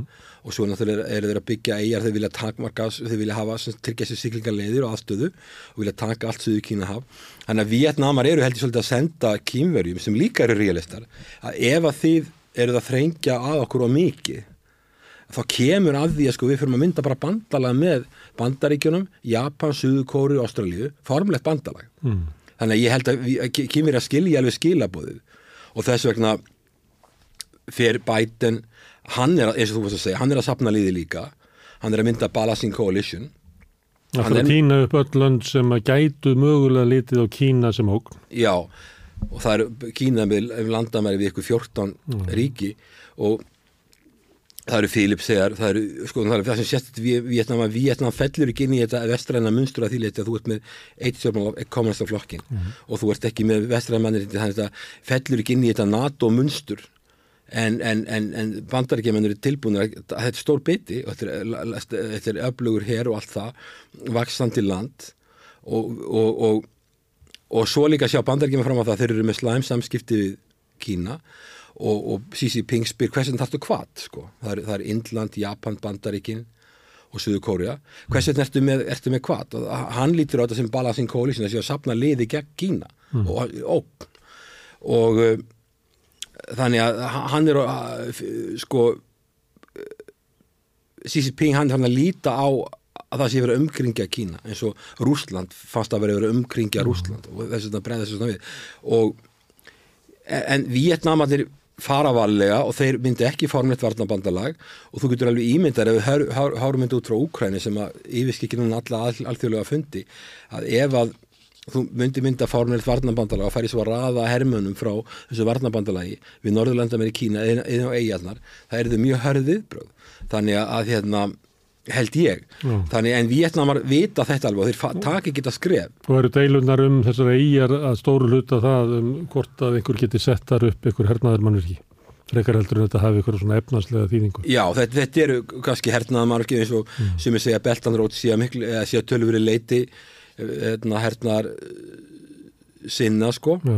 en svo líka er það annað, ef að bandaríkjuminn ná ekki að semja við með Kína og taka upp betri samskipti þá getur orðið tölum mikið fæsla á fjárfestingu frá Kína til annara landa. Og þá er Vietnam góðu kostur. Mm. þeir eru með 100 miljónir manna þetta er 100 miljónir manna þjóð. Þeir eru með, og þetta er frekar ung þjóð þeir eru með tölvöld mikið að vinnuöfli og þeir, og, og þeir eru ódýrar ódýrar, að vinnuöfli í Vietnam þannig að bandarísk fyrirtæki er að færa sig geta, geta þetta færa sig frá Kína og þá er Vietnam góður kostur miklu frekar heldur með Laos eða Kambodja eða Myanmar sem hallast politist af Kína mm. Það getur færð til Indonési Já, já, þeir fara, þeir fara ekki bara til Vietnam, Nei. þeir fara víðar, en ég bara, þeir geta farið til Filipsega, þeir geta farið til Indonísju, Malasíu, mm. en, en, en Vietnam er samt alltaf stór biti. Mm. Og heimsókn bætin er liður í svona leiðbandaríkjana í að uh, sapna bandamönnum í komandi átök við Kína, en líka um það að gera þessi svona efnarslega óháðar í Kína með því að bandarísk fyrirtæki flytti þaðan í burtu. Já og svo vilja Vietnama líka vera minna háður uh, Kína í, í auðaríkisviskittum. Þeir eru auka auðaríkisviskittu við bandaríkin mm. og bandarísk fyrirtæki eru að skoða að möguleika að færa sig einhverju leiti yfir mm. og svo Vietnam, Vietnam Airline laðin stóra pöntuna e, e, eftir sem ég heyrði þarna á þessu fundi mm. að Boeing þóttum frá bandaríkjunum risapöntu, þetta eru stort flugfélag mjög vaksandi flugfélag og svo líka Vietjet og fleiri flugfélag í Vietnam sem er að kaupa frá bandaríkjunum uh, þóttur þannig að þetta var líka viðskiptalegs eðlis og þetta, og, og þetta svona partnership agreement var svona meira viðskiptalegs eðlis en undir tónin er náttúrulega það að, að þarna getur komið líka samstarfi öryggismálum mm. og, og, og mín tilfinning að ég bjóði í Vietnam í þrjú ár vann fyrir Alþjóðbankan og bara hafa komið ánga öðru hverju að svona, yngra fólki í Vietnam hallast frekar af Vesturlöndum og Bandaríkjum mm. maður finnur það alveg og það er ákveðin, ákveðin svona tilneying að færast í átt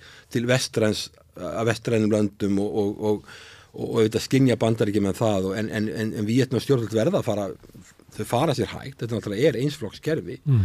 og það er líka einn ástæðan fyrir það að ná í samband millir Kína og Vietnam þetta eru tvö kommunistar ekki og Vietnam kallar alltaf sko þeir, þeir, þeir, ekki þeir eru ekki eins og Úkrænum en sem segja við rúsa þeir séu terrorista eða hriðjörgumenn og, og glæpamenn og það þurka þetta út og allt svona, svona hostælt tótt sko í, svona, þetta er svona hörðsamskipti en e, samskiptin millir milli hérna Vietnam og Kína, Kí, þeir kalla á stóra bróðir og, mm. og svona, það er, er, er vinsamlega í tótn en það er alveg samt sem var mikið spenna ég menna það voru tímara sem að Kínar að gá út vegabref sem voru með einhverju landakorti sem síndi að þeir ættu allt suðu Kína hafa og það neytu Vietnamar að stimpla það eh, vegabref sko. Mm. Hann har ákveðin spenna á milli og núningur mm. og náttúrulega er, er, er Kína svolítið að reyna að nátt tökum ég hef heyrt allir bara að tala um unga Vietnama að að þegar þeir fara að vinna fyrir kýmvesk fyrirtæki í Vietnam þá, þá vilja kýmverðar þeir læri kýmvesku mm. það er ekki ná að tala ennsku Það var náttúrulega kýmvesk svona, ég veit ekki hvort að kalla það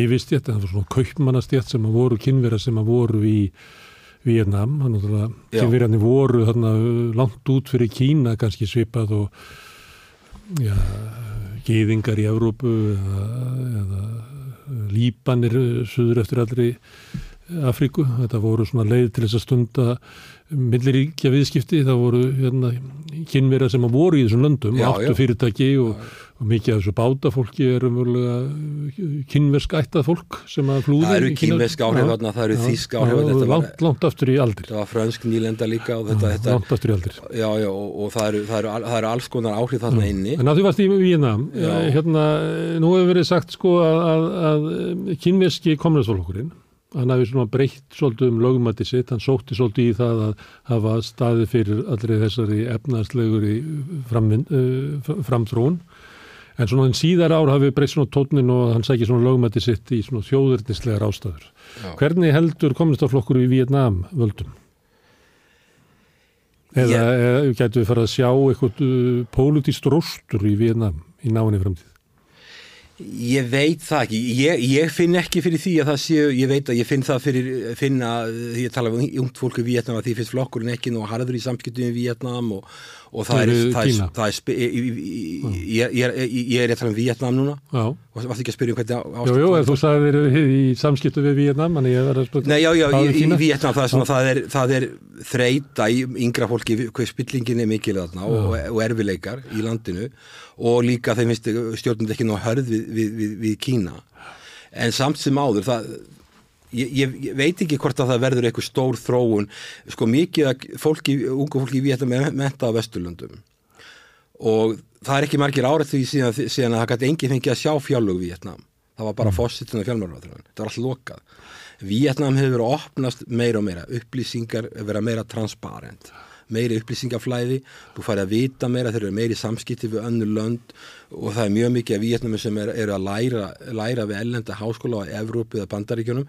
Þegar ég held að landi sé að færast í átt til Vesturlanda meir og meir. Það tekur ákveðin tíma, það bara tekur líka tíma að líðræði, þú veist hvernig þetta var í Bandaríkjunum. Það tók langa tíma að þar eða Vesturlandum, það að færast í það átt.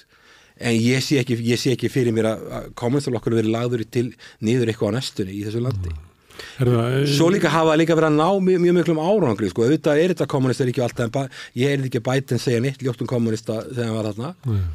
En, en við höfum líka að hafa það í huga þetta land sko, þegar að Sovjetríkin fjallu þá var 50% vietnama sem bjögum við algjöra, það sem að kalla absolute poverty, algjöra fátækt mm. samkvæmt alþjóðlegu stöðlum. Núna er það 3% þannig að ef þú býrð í landi það sem er hagkerfið að tvöfaldasta stærð á tíjar á tímabil, mm. tíjar á fresti og launir að hækka og fátættir að minka þá, þá, þá, þá er meiri stöðuleiki og þannig að, þannig að, ég, að það er stöðuleiki í landinu, ég held að sé að færast í vestur átt en ég er ekki við sem að kommunistalokkurinn sé að hverfa alveg í, á næstunni er það, en eitt komunistar viðbútt, það er Norður Kóra, við nefndu hérna aðeins í upphæfi.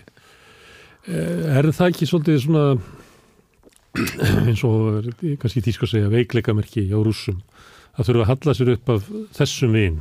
Er þetta ekki frekar veikur vinur að eiga í Norður Kóra? Sko það er náttúrulega alveg ljóst að Rúsland er, er í þessu stríði og ég veit ekki hvernig vopnabyrðinir hefðum eru. Ég meina við vitum að það, Vesturland segja að það er vopnabyrðinir hjá þeim að hefbundum vopnum alveg búnar Mm. og þeir eru komin í klasasprengjur sem að er ekki það sem Úkrænum vantar langdrægar eldflögar. Mm. Þeir fá þær ekki. Það er ekki að senda þeim það sem að úgrænumenn er að að og- vantar heldur bara það sem þeir eiga. og það er sagt að, ég hef heyrt frá sérfræðingum að, að rússar eigi vegna fallsófiðtíkina mikið af hefbundum vopnum ennþá. En maður veit ekki hvað er, inn- ég er ekki með aðganga lagarni ég veit ekki hvað það er. Þannig að kór, Norðurkóra hefur verið þekkt fyrir að framlega langtægar eldflugar með töluverðum árangri. Þó að þetta sé svona hálfgeð þróunaríki og öruglega fátækt land og hungur þarna allavega og hvert eiga það er að snúa sér, kýmverjar eru bandamenn rússa en þeir vilja halda sér í hæfilegri fjalla frá stríðinu. Og Brygslöndin vilja helst ekki koma mikið nálægt þessu.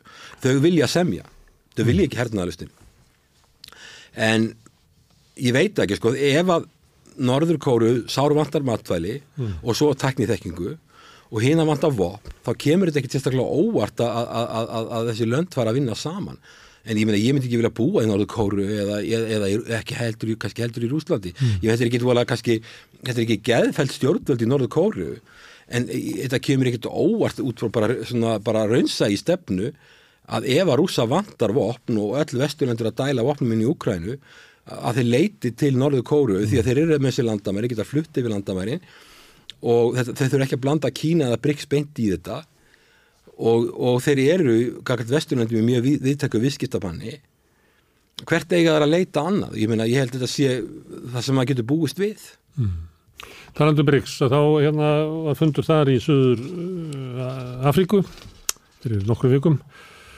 Það var líka fundur G7-ríkjana í Indonésiu og svo mættust uh, G20. þessi ríki. Já, í, Indonésiu var G7 eða ekki? G20 og svo var í, G20 var í- G20 í Indlandi. G20 var fyrst í Indonésiu Já. og svo var, var það í hérna í hérna eh, í, í skal ég segja þér Indlandi, já. Já, og þá hittast G7-ríkin og Bryggs.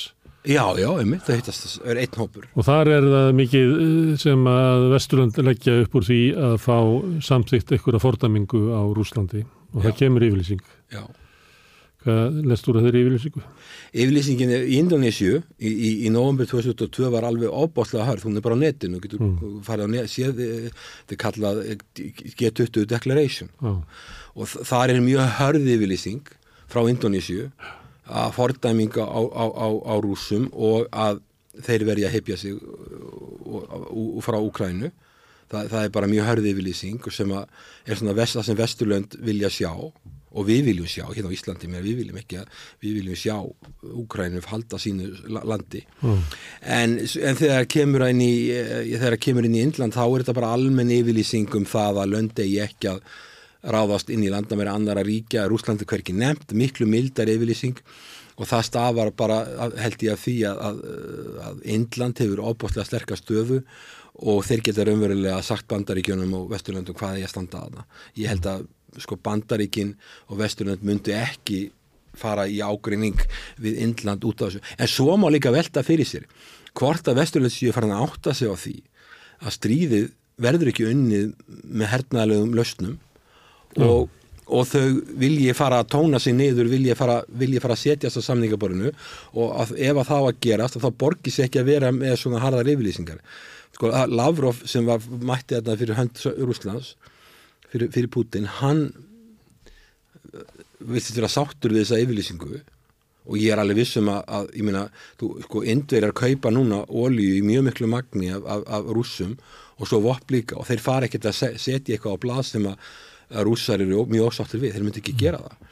Og, og bandarækjum en setja sér ekki á móti Kýmverja því að bandarækjum get, geta ekki verið í stríðið rúsa deilin við Kýmverja og svo líka vindverja, það gengur ekki upp. Þannig að, að, að þetta var miklu mildar yfirlýsing og ég, ég held líka miða við stöðuna í þessu úgrænu dæmi að þá sé bara að renna upp fyrir vesturlöndum að það þarf að fara að semja og reynda blinken auðverkistráð þegar bandaríkjana var nýlega að segja það en hvarta undan því að hann fyndi ekki fyrir sko neinu samningsvilja frá bandaríkjónum frá bandaríkjónum? Nei, frá, frá fríkir frá Úslandi ah. frá Úslandi, hann fylgdi að Putin væri ekki komin inn í samningsstellingar mm. og hérna uh, og uh, sem að mér finnst benda til þess að, að Putin telli sig verið að koma með þá stöð að hann geti vil tekið meira af Ukrænu mm. uh, ég veit ekki alveg allavega, allavega það var mjög mikill munur það, það líður tæft ára á millið þessar yfirlýsinga og það er allt annar tótn í, í setni yfirlýsingunni Hvað er ekki það? Um, um breyta afstöðu Vesturlanda eða er þetta þannig að, að út af svona þróun Briggs meðal annars og fleira að svona eh, breytinga í alltjóða stjórnmálakerfinu að, bara eh, áhrifavald Vesturlanda er minna í dag heldur að var fyrir árið sér Já sko það er alveg ljóst. Söðrið vill ekki hlusta á Vesturland Þa, Það er alveg ljóst sko að við erum að tala um sko stækkun Briggs það er alveg ljóst sko að Briggs er náttúrulega sko, BRICS er ekki varnar bandalag en, en það er að koma, eins og við vitum, þá er að koma næsta ári Argentína, Egiptaland, Ethiopia, Íran, Sáti-Arabia og saminuðu af, Afríku fyrstadæmin mm. sjá eins og Íran og Sáti-Arabia þetta eru löndin sem umlíkja persaflóan þetta er alveg svakalega völd að færast yfir í einan hóp til dæmis bara í varandi orkumál í heiminum mm. þannig að sko þessi lönd eru að mynda bandalög sem að þau geta nýtt sér. Þannig að það valda hlutvöldinni er að breytast. Ég meina Bryggs í dag eru bara 40% af mannkynni þau verða við hætti stækkunum nákvæmst helming mannkynns. Og þau eru orðin mun starri í verkefni landsfæðarmesslu heldur en G7-löndin mælt í, á jafnfyrirskengi mm. og fleiri lönd sem bankotittar Já, það eru, það eru, ég, ég hef heyrt að það voru 16, það séu 40 lönd sem er að banka þeirnar, ég er ekki með lista fyrir fram að mig. Er mörg, mjög, mjög fjölmennis og Nígeria og... Já, já, Venezuela sem eru minna landi, það er alls konar lönd sem er að banka þeirnar og þessi lönd náttúrulega, ég, ég er ekki þegar ég er að tala um BRICS, þá, þá halda sumir að ég sé að segja að BRICS er betra en G7. Ég er ekki að segja það. Ég, ég er ekki að segja að mér finnst þetta gott eða ég vilja að þetta sé svona. Ég er bara að segja það að það við vorum með Vesturlönd, eða Bandaríkin og Sovjetríkin núna erum við með G7 og BRICS eða, eða, eða Bandaríkin og Kína, við erum komið með kallstríð mm. og við erum, það er komið myndast blokkir auðvitað veit ég, í, þessum hópi eru lönd sem eru, eru einræðisríki kommunistar, kommunistaríki mm. Klerkaveldi Já, klerkaveldi, mm. lönd sem eru með ofullkomið líðræði allavega svona, skiluru og mannréttindi sem við okkur sem lönd sem okkur líkar ekki ég er ekki að segja þetta sé góð þróun, ég er bara að segja það að þarna er að myndast blokkir og þetta er þessi stórun í markastríki þau vilja fá bara rött í, í heims umræðinni og þau gera það í gegnum BRICS og þegar BRICS-fundurinn er haldið þá vekur það tölur mikla aðtikli og þau vilja bara að því að G7 eða G7 þá, þá, þá er fjallað um hvað kemur á G7 fundum og fjölmir að lesa fundagerina sem kemur út úr fundunum og það er fjallað um þetta heil mikið og þessi löndir að skapa sér hennan vettvang að, þeir, að þeirra áherslur fái umræðu og umfjöllun. Það er ekkit víst að þau geti verið sammála um alla hluti en ef þú tekur úkrænistriði sem er það sem er dóminera núna alla fundi hvort sem er G7, G20, BRICS eða hvað það er að dóminera umræðina að nú eins og staðan er í dag að þá, þá hérna eru þau heil, held ég öll, bara náttúrulega öll sammála um það að BRICS-löndin að, að hérna að það er að finna diplomatíska löst og hefur það að gera. Þau vilja ekki hernaða löst og það er meirliti mannkinn sem það og þau, það er ekki þeirra sem ég veit um sem er, með, sem er í þessum löndum uh, sem eru núna þegar þessi sexkomin þá eru hann 11 sem beitir einhverjum viðskita þvingunum þannig að sko þetta eru að myndast þarna blokkir og það er alveg, mér finnst alveg eðlert að nýmarkasríki sem eru skemmra komin í líðræðis áttur eru ennþá að þróa svona stopnaðir uh, miðaustur lönd sem eiga, eiga erfitt nútímavæðingu eru svona í, í forneskinu að sumur leiti uh, ennþá að þau þau vilja fá að hafa áhrif og þetta er svona ákveðin vett okkur. Þetta er ekki varnabandala, það er rætt um efnaðsmála þannig kannski aðalega og, og viðskipti og þau eru búin að stopna sínir eigin uh, alþjóða fjármálastofnun sem er New Development Bank sem er í Kína og hann er komið með sömu tæki og alþjóðabankin og alþjóðagjaldirisöðun mm. En eru áhrif Vesturlanda í heimsmálunum að minka? Já, og er ég, það afleiðing af úgrænustriðinu? Hefur úgrænustriði flýtt fyrir þeirri þrú? Já, það, það má segja það. Ég ætti kannski að spyrja þig af því. Ég hef ekki hugsað svo mikið um þetta í þessu samhengi en ég held að það sé alveg rétt að, að, að áhrif þessara landa er, a, er að vaksa. Þau eru, eru mjög vaksandi hækjir. Þau eru með lægri verka landframhersla manna meðaltæli þess að hægvesturinn er meiri Mm. að meina sem, sem G7-löndin eru bara um það ríka, það eru erfiðar að, að vaksa í verkefni landsfólkið mann, þeirra þungi er að vaksa og þau eru að mynda bandalög og vilja hafa meiri áhrif og, og, og þetta er áhuggefni sko, er sko bandalögin, þau vilja hafa áhrif á Östurasju, þá er, er uppgangur Kína mikið áhuggefni og svo vilja hafa áhrif á, í pestaflónu vegna ólíu og það er Kína komið með mjög sterkast stöðu með því að, að sætta Índland, Ír, Íran og Sáti-Arabíu og svo í Evróp er þetta stríð. Þannig að sko bandaríkin eru í, í utæriksmálum í mjög erfiðum málum. Og, og, og bandaríkin eru fórsturíki Vesturlanda. Mm. og en, en, en varðandi, svo er Evrópa í skelvilega slemri stöðu í þessu öllu saman, lendir ykkur starfða milli og Þískaland um, haggerðir að draga saman. Evru, Evru svæðið og Evrópa samvætti það er enginn hagvöxtur. Þannig að, að já þá að Evrópa og svona evróski draumar sem að voru hér kannski fyrir 20-25 árum um að Evrópa er því svona sjálfstætt afli í heimsmálum jáfnvel það er enginn sem að nefni það lengur það er enginn sem að tala um Evrópu sem sjálfstætt fyrirbrið þetta er freka litið á þetta sem bara bakarð bandaríkina Já, Macron hefur verið, verið, verið eiginlega svo eini sem hefur talað um það að, að hérna Fraklandsfósiti að það er stopnað Evróskan hér og Evrópa í að vera stórveldi. Mm. en, en þjóðverðar hafa ekki vilja styðja það og, og uh, Evrópa hefur alltaf lúfað fyrir við vissum þau höfum rætt um það áður þegar mm. á NATO-fundum í Búkarest 2008 þá lúfuðu frakkar og þjóðverðar fyrir bandaríkjumönnum þannig að sko þeir hafi ekki þessa stöðu sem að, sem að kannski miða við auðvitað hafa að sterka þeir eru stórt hækjær en það er engin hægvöxtur og og þessi, þessi átök hafa verið mjög erfið fyrir Evrópu og verða mjög erfið fyrir Evrópu í, í framtíðinni og, og þessu úkrænistríði er ekkert lokið þannig að ég held að sé alveg rétt það sem hún segir að sko völdin er að færast tölvöld mikið yfir í þennan hóp. Ja. og frá, og frá kannski fyrir Kína og Indlands. Það er ekki Rúsland sem að styrkistu þetta. Nei, ekki mikið, en það er útlandið á mikið aðlundum en þeir eru bara að hafa ekki fólksfjölda, þeir eru 145 miljónir, mm. þeir getur aldrei, þeir hafa ekki bara mannabla til þess að vera uh, eins og er, og Kína sem er kortum sem er tíu svona fleiri íbúa, ef að þau halda áhra að vaksa og, Ind, og Indland er á mikill siklingu núna, þá sé verklandsbyrjast mann sé miklu lagri heldur enn í Kína, miklu lagri, mm. þá er þeir á mikill siklingu þannig að þetta verður svona Asian, þetta er, uh, Asia er að fá þarna tækifæri og já, já, það munir flytjast völd og áhrif frá Evrópu og frá Norður-Ameríku til, til Asíu og svo til Bríklandana og það sem að Kína er í fórustu og þetta er náttúrulega sem veldur að- eru, eru áhyggjur bandaríkjana þess vegna er, er, er að- Joe Biden að fara út um allt að sapna liði. Og hann er tilbúin að tala ekki bara þá við líðræðisríki heldur líka kommunistríki Og það fylgir svolítið kaldastriðinu að, að þá eh, hérna, eh, horfa minni í gennum fingur sér við hvernig vinindir eru. Eh, Hérna, Já. já. þú sér bara til dæmis og það sem er að gerast í Afríku að franskar nýlendur eru að Já, og þá einmitt gerist það að, að, að lönd í Afríku og jáfnvel í Suður Ameríku hafa alltaf í valkostunum að velja sér sko bakkjarl já, já, og þá getum við séð svona valdaskipti, það er hlutið af þessu. það er áhyggjur Líka það að Vesturlöndin, eh, hvað var sagt um svona menn eins og Saddam og svona þetta væri okkar hérna skítall, ef það var bara um réttu megin í okkar liði. já, þú sér við- bara Alls konar herfórkjastjórnir og, og viðbjóð.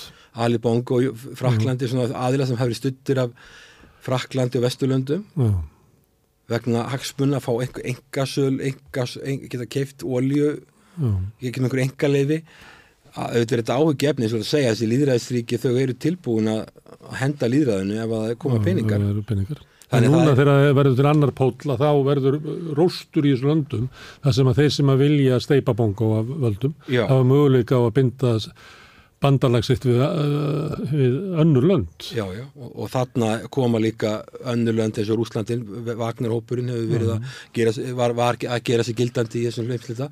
Það, það er svona, það er mikill, mikill reyfing á öllum. En annað sem að fylgja koldu stríði er það að sko málflutningurinn eða umfjöllunin á Vesturlundu verður einhæfari að það verður hérna þú getur verið sakaður um það að vera óþjóðhollur ef að þú talar ekki eins og er stefna NATO hverju sinni.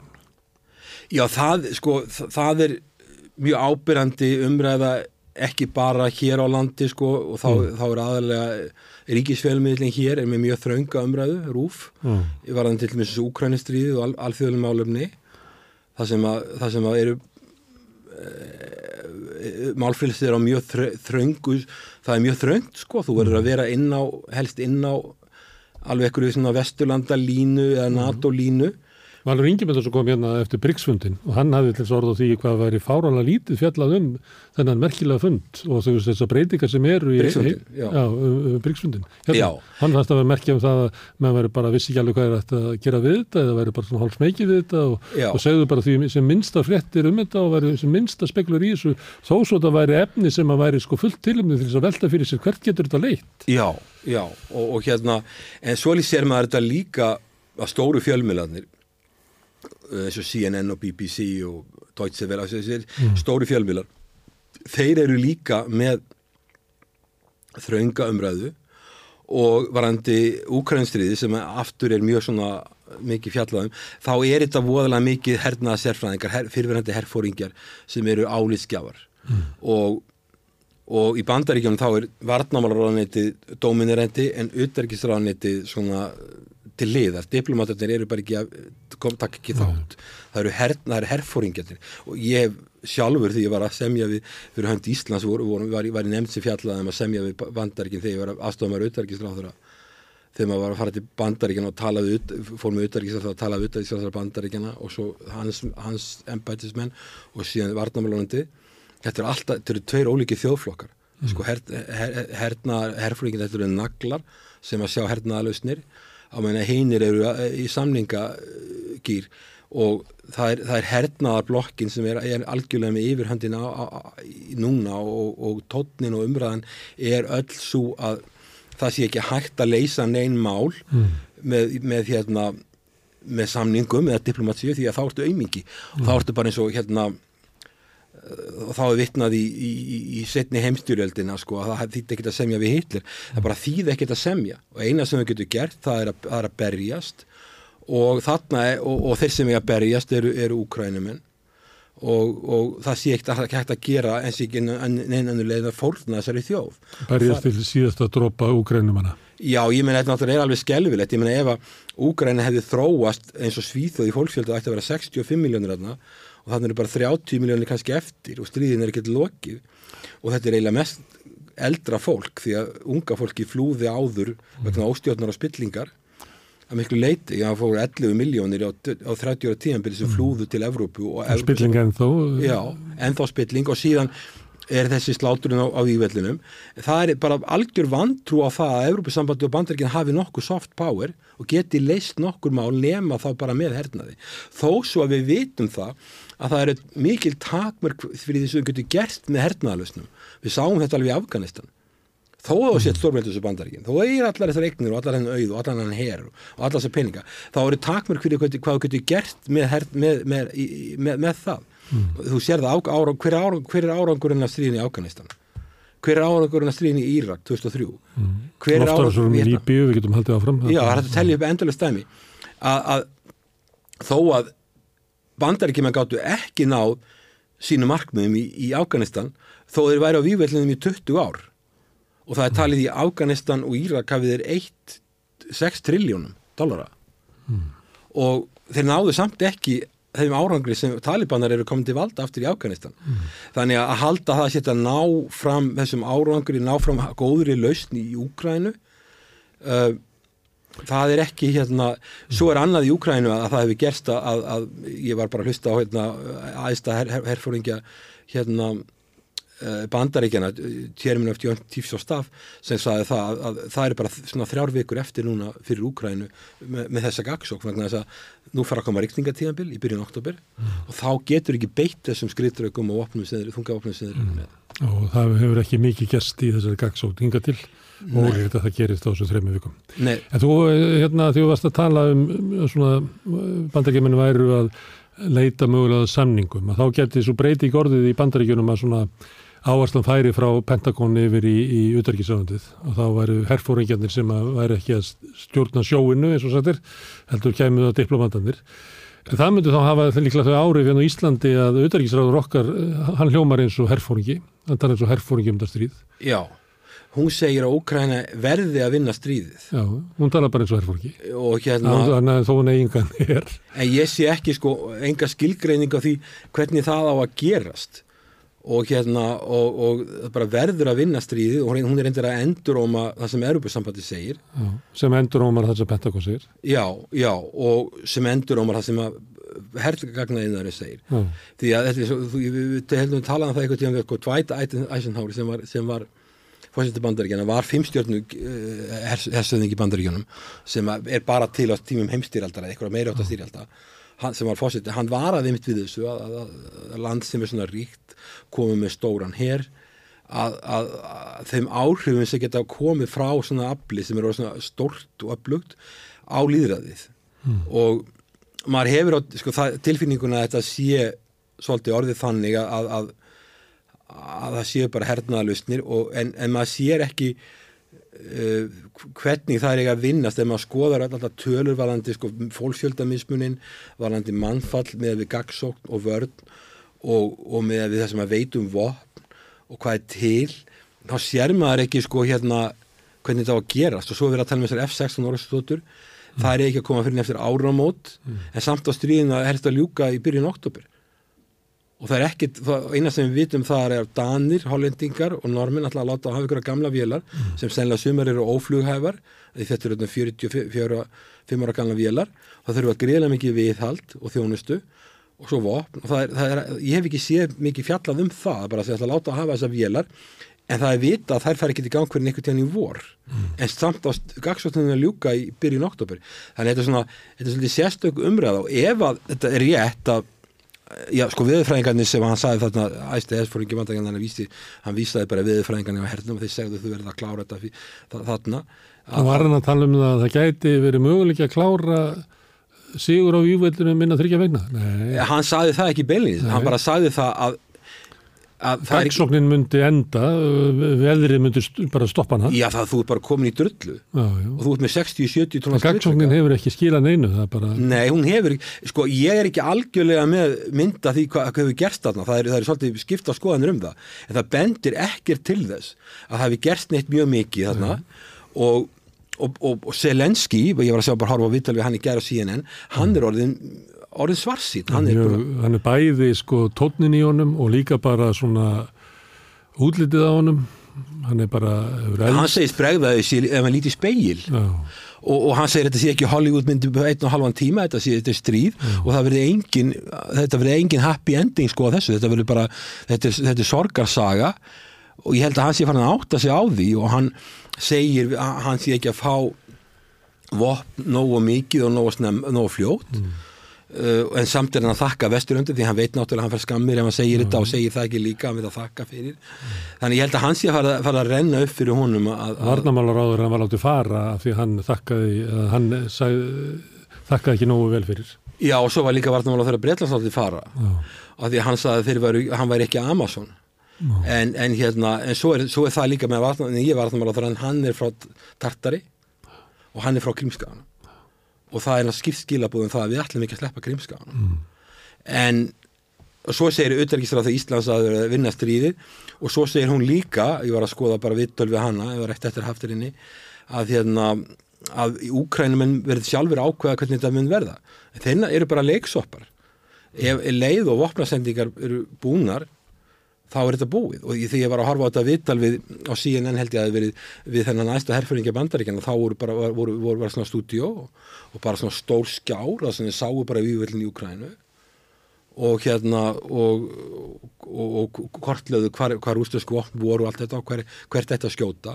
Þannig að frá þessu stúdíó var stjórna sko, það er, mér að bandaríkjaman eru náttúrulega óbóðslegt veldi og þeir eru þeir, gera allt, þeir, taka ekki gikkin og íti ekki að takkana en þeir eh, varðandi upplýsingar á það hvað er að gerast á viðvellinu, hvernig ég að breyðast við og hvaða takt ekki að nota. Mikið fjöldi hernalara ráðgjafa svo kallara sem er í Úgrænu. Já, það er sagt líka, þannig að, þannig að en, en sko en það, það, það bendir mjög fátt til þess að að það verði á þremur vikum eitthvað stór breyting. Ég auðvitað gæti það gerst en ég held að það sé ólíklegt og við vitum það líka um leið og að rússar munu fara í það að, hérna, að styrkja výlununa alveg leið að geta mm. og þeir geta alveg gert það í rigningu sko. þannig, að, að þá munir þeir styrkja þessa výlunur, þeir eru þrjár výlunur styrkja þar ennþá meira þannig að ég sé ekki skiluru neitt hérna í þessu sem er sérstaklega hugreistandi þannig ég skil alveg við Selenski þegar hann er að fara að tala um að, að þetta muni endi ítla mm. Þannig það mun verða minni vopna átök þegar að regninganda byrja Já. og mögulega hefjast átöka nýju næsta vor. Já. hugsanlega verður leitað ykkur leiðum til að enda þetta stríð áður en að það gerist. Já, ég held að sko að, að, að úkrænumenn geta, geta ekki ná sínum pólitísku markmiðum að ná öllu landinu núna, það er ekki hægt. Þeir ná ekki krímskáðan og ekki þessum plöndum sem rússar er búin að taka yfir. Rússar, ég veit ekki alveg hverja markmið þeirra eru ég held að þeirra markmið sé ekki núna að ná öllu landinu. Ég held að þeirra markmið núna sé að ná sko kannski meiru af landinu. 40% já, eitthvað, eitthvað svo, það getur verið ná það sem er hafa sagt það, já, að það væri kannski, kannski eitthvað svoleiðis. John Mersheimer segir þetta. Já, já, hann segir það, hann er nú mjög þekktur hérna, sérfræðingur, hann reyndar fær hann ekki að tala fjölmjöla leipunum ekki að lengur en, en hann hefur sagt að sé 43, eitthvað 43% þeir eru með eitthvað 23% núna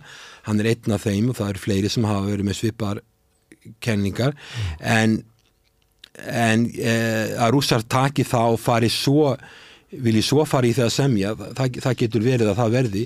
En svo getur líka bara verið að aðilar gefist upp og það stríði bara leggist út af.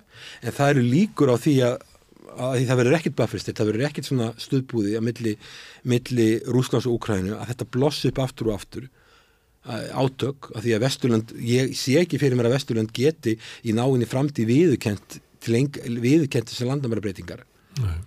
þetta verður bara, þetta verður bara frosið og, og Úkræna getur það ekki það verður eitthvað mikið að gerast þar þannig að þetta verður svona svæðið það sem er svona eldfimt og þá getur þú ímyndaðir hvað verður með NATO og ESB aðeldina sko hvort að þú, þú getur ekki verið með varnabandalag þar sem þú veist ekki hvað landamærin eru Nei. þó að Úkræn sé núna búin að býði 15 ár eftir að komast í NATO þá er hún ekkert á leðin inn í NATO ekki fyrir sjónar í framtíð? Það, nei og kannski, ég myndi halda að ég kannski ég vil aldrei. Það er kannski freka með ESB og, og maður vil líka fyrir að spyrja sér siðferðilega spurninga. Fyrst að það er búið að blekja landi svona mikið og lengi. Hver eru er skuldbindingar í ESB að taka bara heila landið inn vegna þess að það er búið að segja að þeir, að þeir geti fengið NATO aðeld, það var gert 2008 og þeir eru búin að fórna sér fyrir það og svo ESB aðeld ég hefði talið að þeir hefði átt frekar og ég, ég, ég, er ekki bara að vera að reyna að vera vitur eftir og ég skrifaði um þetta grein 2019 og þá fannst mér að þeir ættu frið, þeir voru komnir með association agreement fyrir öðruvísumætti þeir voru komnir inn á ekki alveg eins mikið eins og við, við erum á Európskapnaðsvæðinu komnir með samningu Európusamandi, þeir hefðu að reyna að færa sig hægt og rólega að Európusamandinu og taka svo einhvern tíma stökk þar eins og finnar gerðu. En þeir gerðu það ekki, fóru í NATO og það var að undilagi George W. Bush. Og að, að, að það spurning hvað gerist að landi er ekki að fara í NATO en, en, en það verður að eiga sér eitthvað uppbygginga þannig ég sé ekki fyrir mér sko að þetta verður endilega að það verður frozen conflict eða eitthvað, eitthvað svona fríðasamkomla að gera hlið eitthvað að það verður endilega stöðugt ég mm. sé það ekki mér ekki eins og hefur verið í kóru það, það gætur þannig, það er einnig stöðut ástand stöðut ástandi, þannig að það var ákveði belti og það er alþjóðlegt, alþjóðlegt eftirlit mm. með því saminni þjóðar Gerist ekki þar nefna svona uh, tíu ára fresti eða eitthvað hleypur hann yfir Það er einhverjar, ég hef nú komið á þetta svæði sko. það er einhverjar erjur, ég mætti ég fór á þetta svæði á sínum tíma, mm. var að vinna hjá alþjóðbankan og þá voru, þessna voru norðukóriískir hermenn og mann hefur sagt sko ef þið fara eitthvað að tala við þá bara sér þið bara horfið í gegnum og maður þið geta að segja orðið og mm. ég fór að um bandaríka hersinsatni mm. já það er ákveðin stöðuleiki og þarna koma erjur öðru hverju en, en hafa ekki, allavega ekki stríð í gangi en, en, en En, Eitt sem var sagt til dæra fljóðlega eftir að stríði byrjaði að mann ekki hverða var sem sagði það. Var eitthvað í svona þáveru að uh, í sjálfun sér stóð hérna, stendur Evrópu ekki neina ógn af, af átökum í Úgrænu. En viðbröðin það sem að Evrópumenn leggja svona mikið upp úr því að, að, að verði einhvers úgrænsku sigur þarna að það verður svona sjálfstæð uh, hérna öryggisókn. Það því að þú leggur svo mikið undir á, að undir eitthvað sem að þú farð síðan ekki að þá kemur fram veikleiki Evrópu og bandaríkjana og NATO með því að það, hérna, að það vinst ekki sigur þarna og þar lendi verður það svona skilabóðut í heiminn að, að það, þessi, það sé ekki klókt að sækjast eftir sko að þessi lönd séu bandamæðu þinn þannig að þau get ekki skila því það sem þau eru að lofa þér Nei, það er bara takmörk fyrir því hvað, hvað þú getur náð miklu með yfirbyrða hér. Við höfum séð þetta aftur og aftur. Ég myndir Afganistan, þeir, myna, en svo sér við líka annað. Það, það eru löndarna sem eru með, með Rúsland á heilanum. Þú tekur eins og Íslandsatríkin, að þú ert með Ísland. Skiljanlega, þetta við getum bætt við. Skiljanlega eru með Rúsa á heilanum. Já, þau eru þannig að þau eru Ísland er með austurlandamæri við, við Rúsland og Narva er til dæmis borgin sem er á landamæri þetta eru mestu litur rúsar mm. og rúsar getur með atkvæðagreyslu tekið austurluta Íslands bara með svipið rökum við bara, hata, við bara tökum hennar hlut og höfum bara atkvæðagreyslu, þetta er allt rúsar mm. sama með Lettland, þá ertu með austurland þá ertu með Latgali sem er austur Sísland og það ertu með Daugapil sem er stór borg og svo ertu með eh, Resteknis, stór borg þeir getur, það er líka alveg rúsar þannig að og svo er að Póland með Póland, það er ekki þetta sama vandamál, heldur það ef að Rúsland tæki Úkrænu, þá eru landamæri Rúslands komin við Östur, þá eru, þá eru Póland komin austurlandamæri við Rúsland Þá gerir það fyrir þeir tæki alla Úkrænu sem að Já, ef, að, ef, að, ef, að, ef þeir tæki alla Úkrænu þá væri austurlandamæri hérna Rúslands komin mm. við, við Póland, mm. þannig að þessi lönd þau vilja leggja og þau eru mjög hávar í NATO þó, þó að Íslandslandíkin séu mjög lítil, þau, þau eru mjög hávar og Póland stiður þetta mjög grímt, Póland náttúrulega þess að sögu að Sovjetiríkin mm. þau eru að skipta á milli sín mm. þannig að svo ertu með Breitland með mjög harðastefnu og þeir fylgja bara Washington en ég skil alveg þetta sumu leiti sko en, en, en ég veit ekki sko þetta lítur ekki þannig út að það myndi enda, myndi enda mjög vel fyrir Evrópu og, og, og heldur ekki fyrir NATO, auðvitað fer svona Mm. Hilma Þór, kæra þakki fyrir að koma hérna við á veðinni út í heim býstu við, þú kemur alltaf við hérna að fara frá Akureyri og eitthvað út í heim og tilbaka. Fljótlega á leiðin til Ríka. Já, herru, kæra þakki fyrir að, að stoppa þetta. Takk fyrir. Þetta eru endanlokkin á uh, Rauðaborðinu í kvöld Eh, Rauðaborð verður hérna aftur á morgun klukkan 16 þá er vikuskamtur, þá setjum við það niður og förum yfir frettir vikunar svo er helgadaskra framundan, það er helgispjallið og Sinri Eils sem að byrjaði síðustu helgi. Og ég held að byrja nýr þáttur líka á sunnundasmótni klukkan 9 þar sem að Otni Eir Ævarstóttir og Maggastína ætla að eh, efna til umræðu. Ég held að vinnu heiti mótmæli í morgumatt í þeim þætti En svo þið heyrið að þá er samstöðun að styrkjast og eblast og þið getur hjálpað okkur við það með því að gerast áskrifendur. Það var margir gert það í, sérstaklega í í núna síðustu daga og vikur að streyma inn áskrifundur hérna og sem að skapar okkur tækifæri til þess að fjölga þáttum og byggja upp samstöðina. Þið gerir það með því að fara inn á samstöðum.is, það er knappur sem að stendur á áskrift og þið skráðu ykkur þar og þá eru með orðin áskrifundur á samstöðinni og getið við að framt verið félagar í alþjóðfélaginu og alþjóðfélagið á samstöðina. Þannig að þið getið eignast fjölmiðil með að gerast áskrifundur að samstöðinni. En ég þakka fyrir í kvöld og segi góða nótt.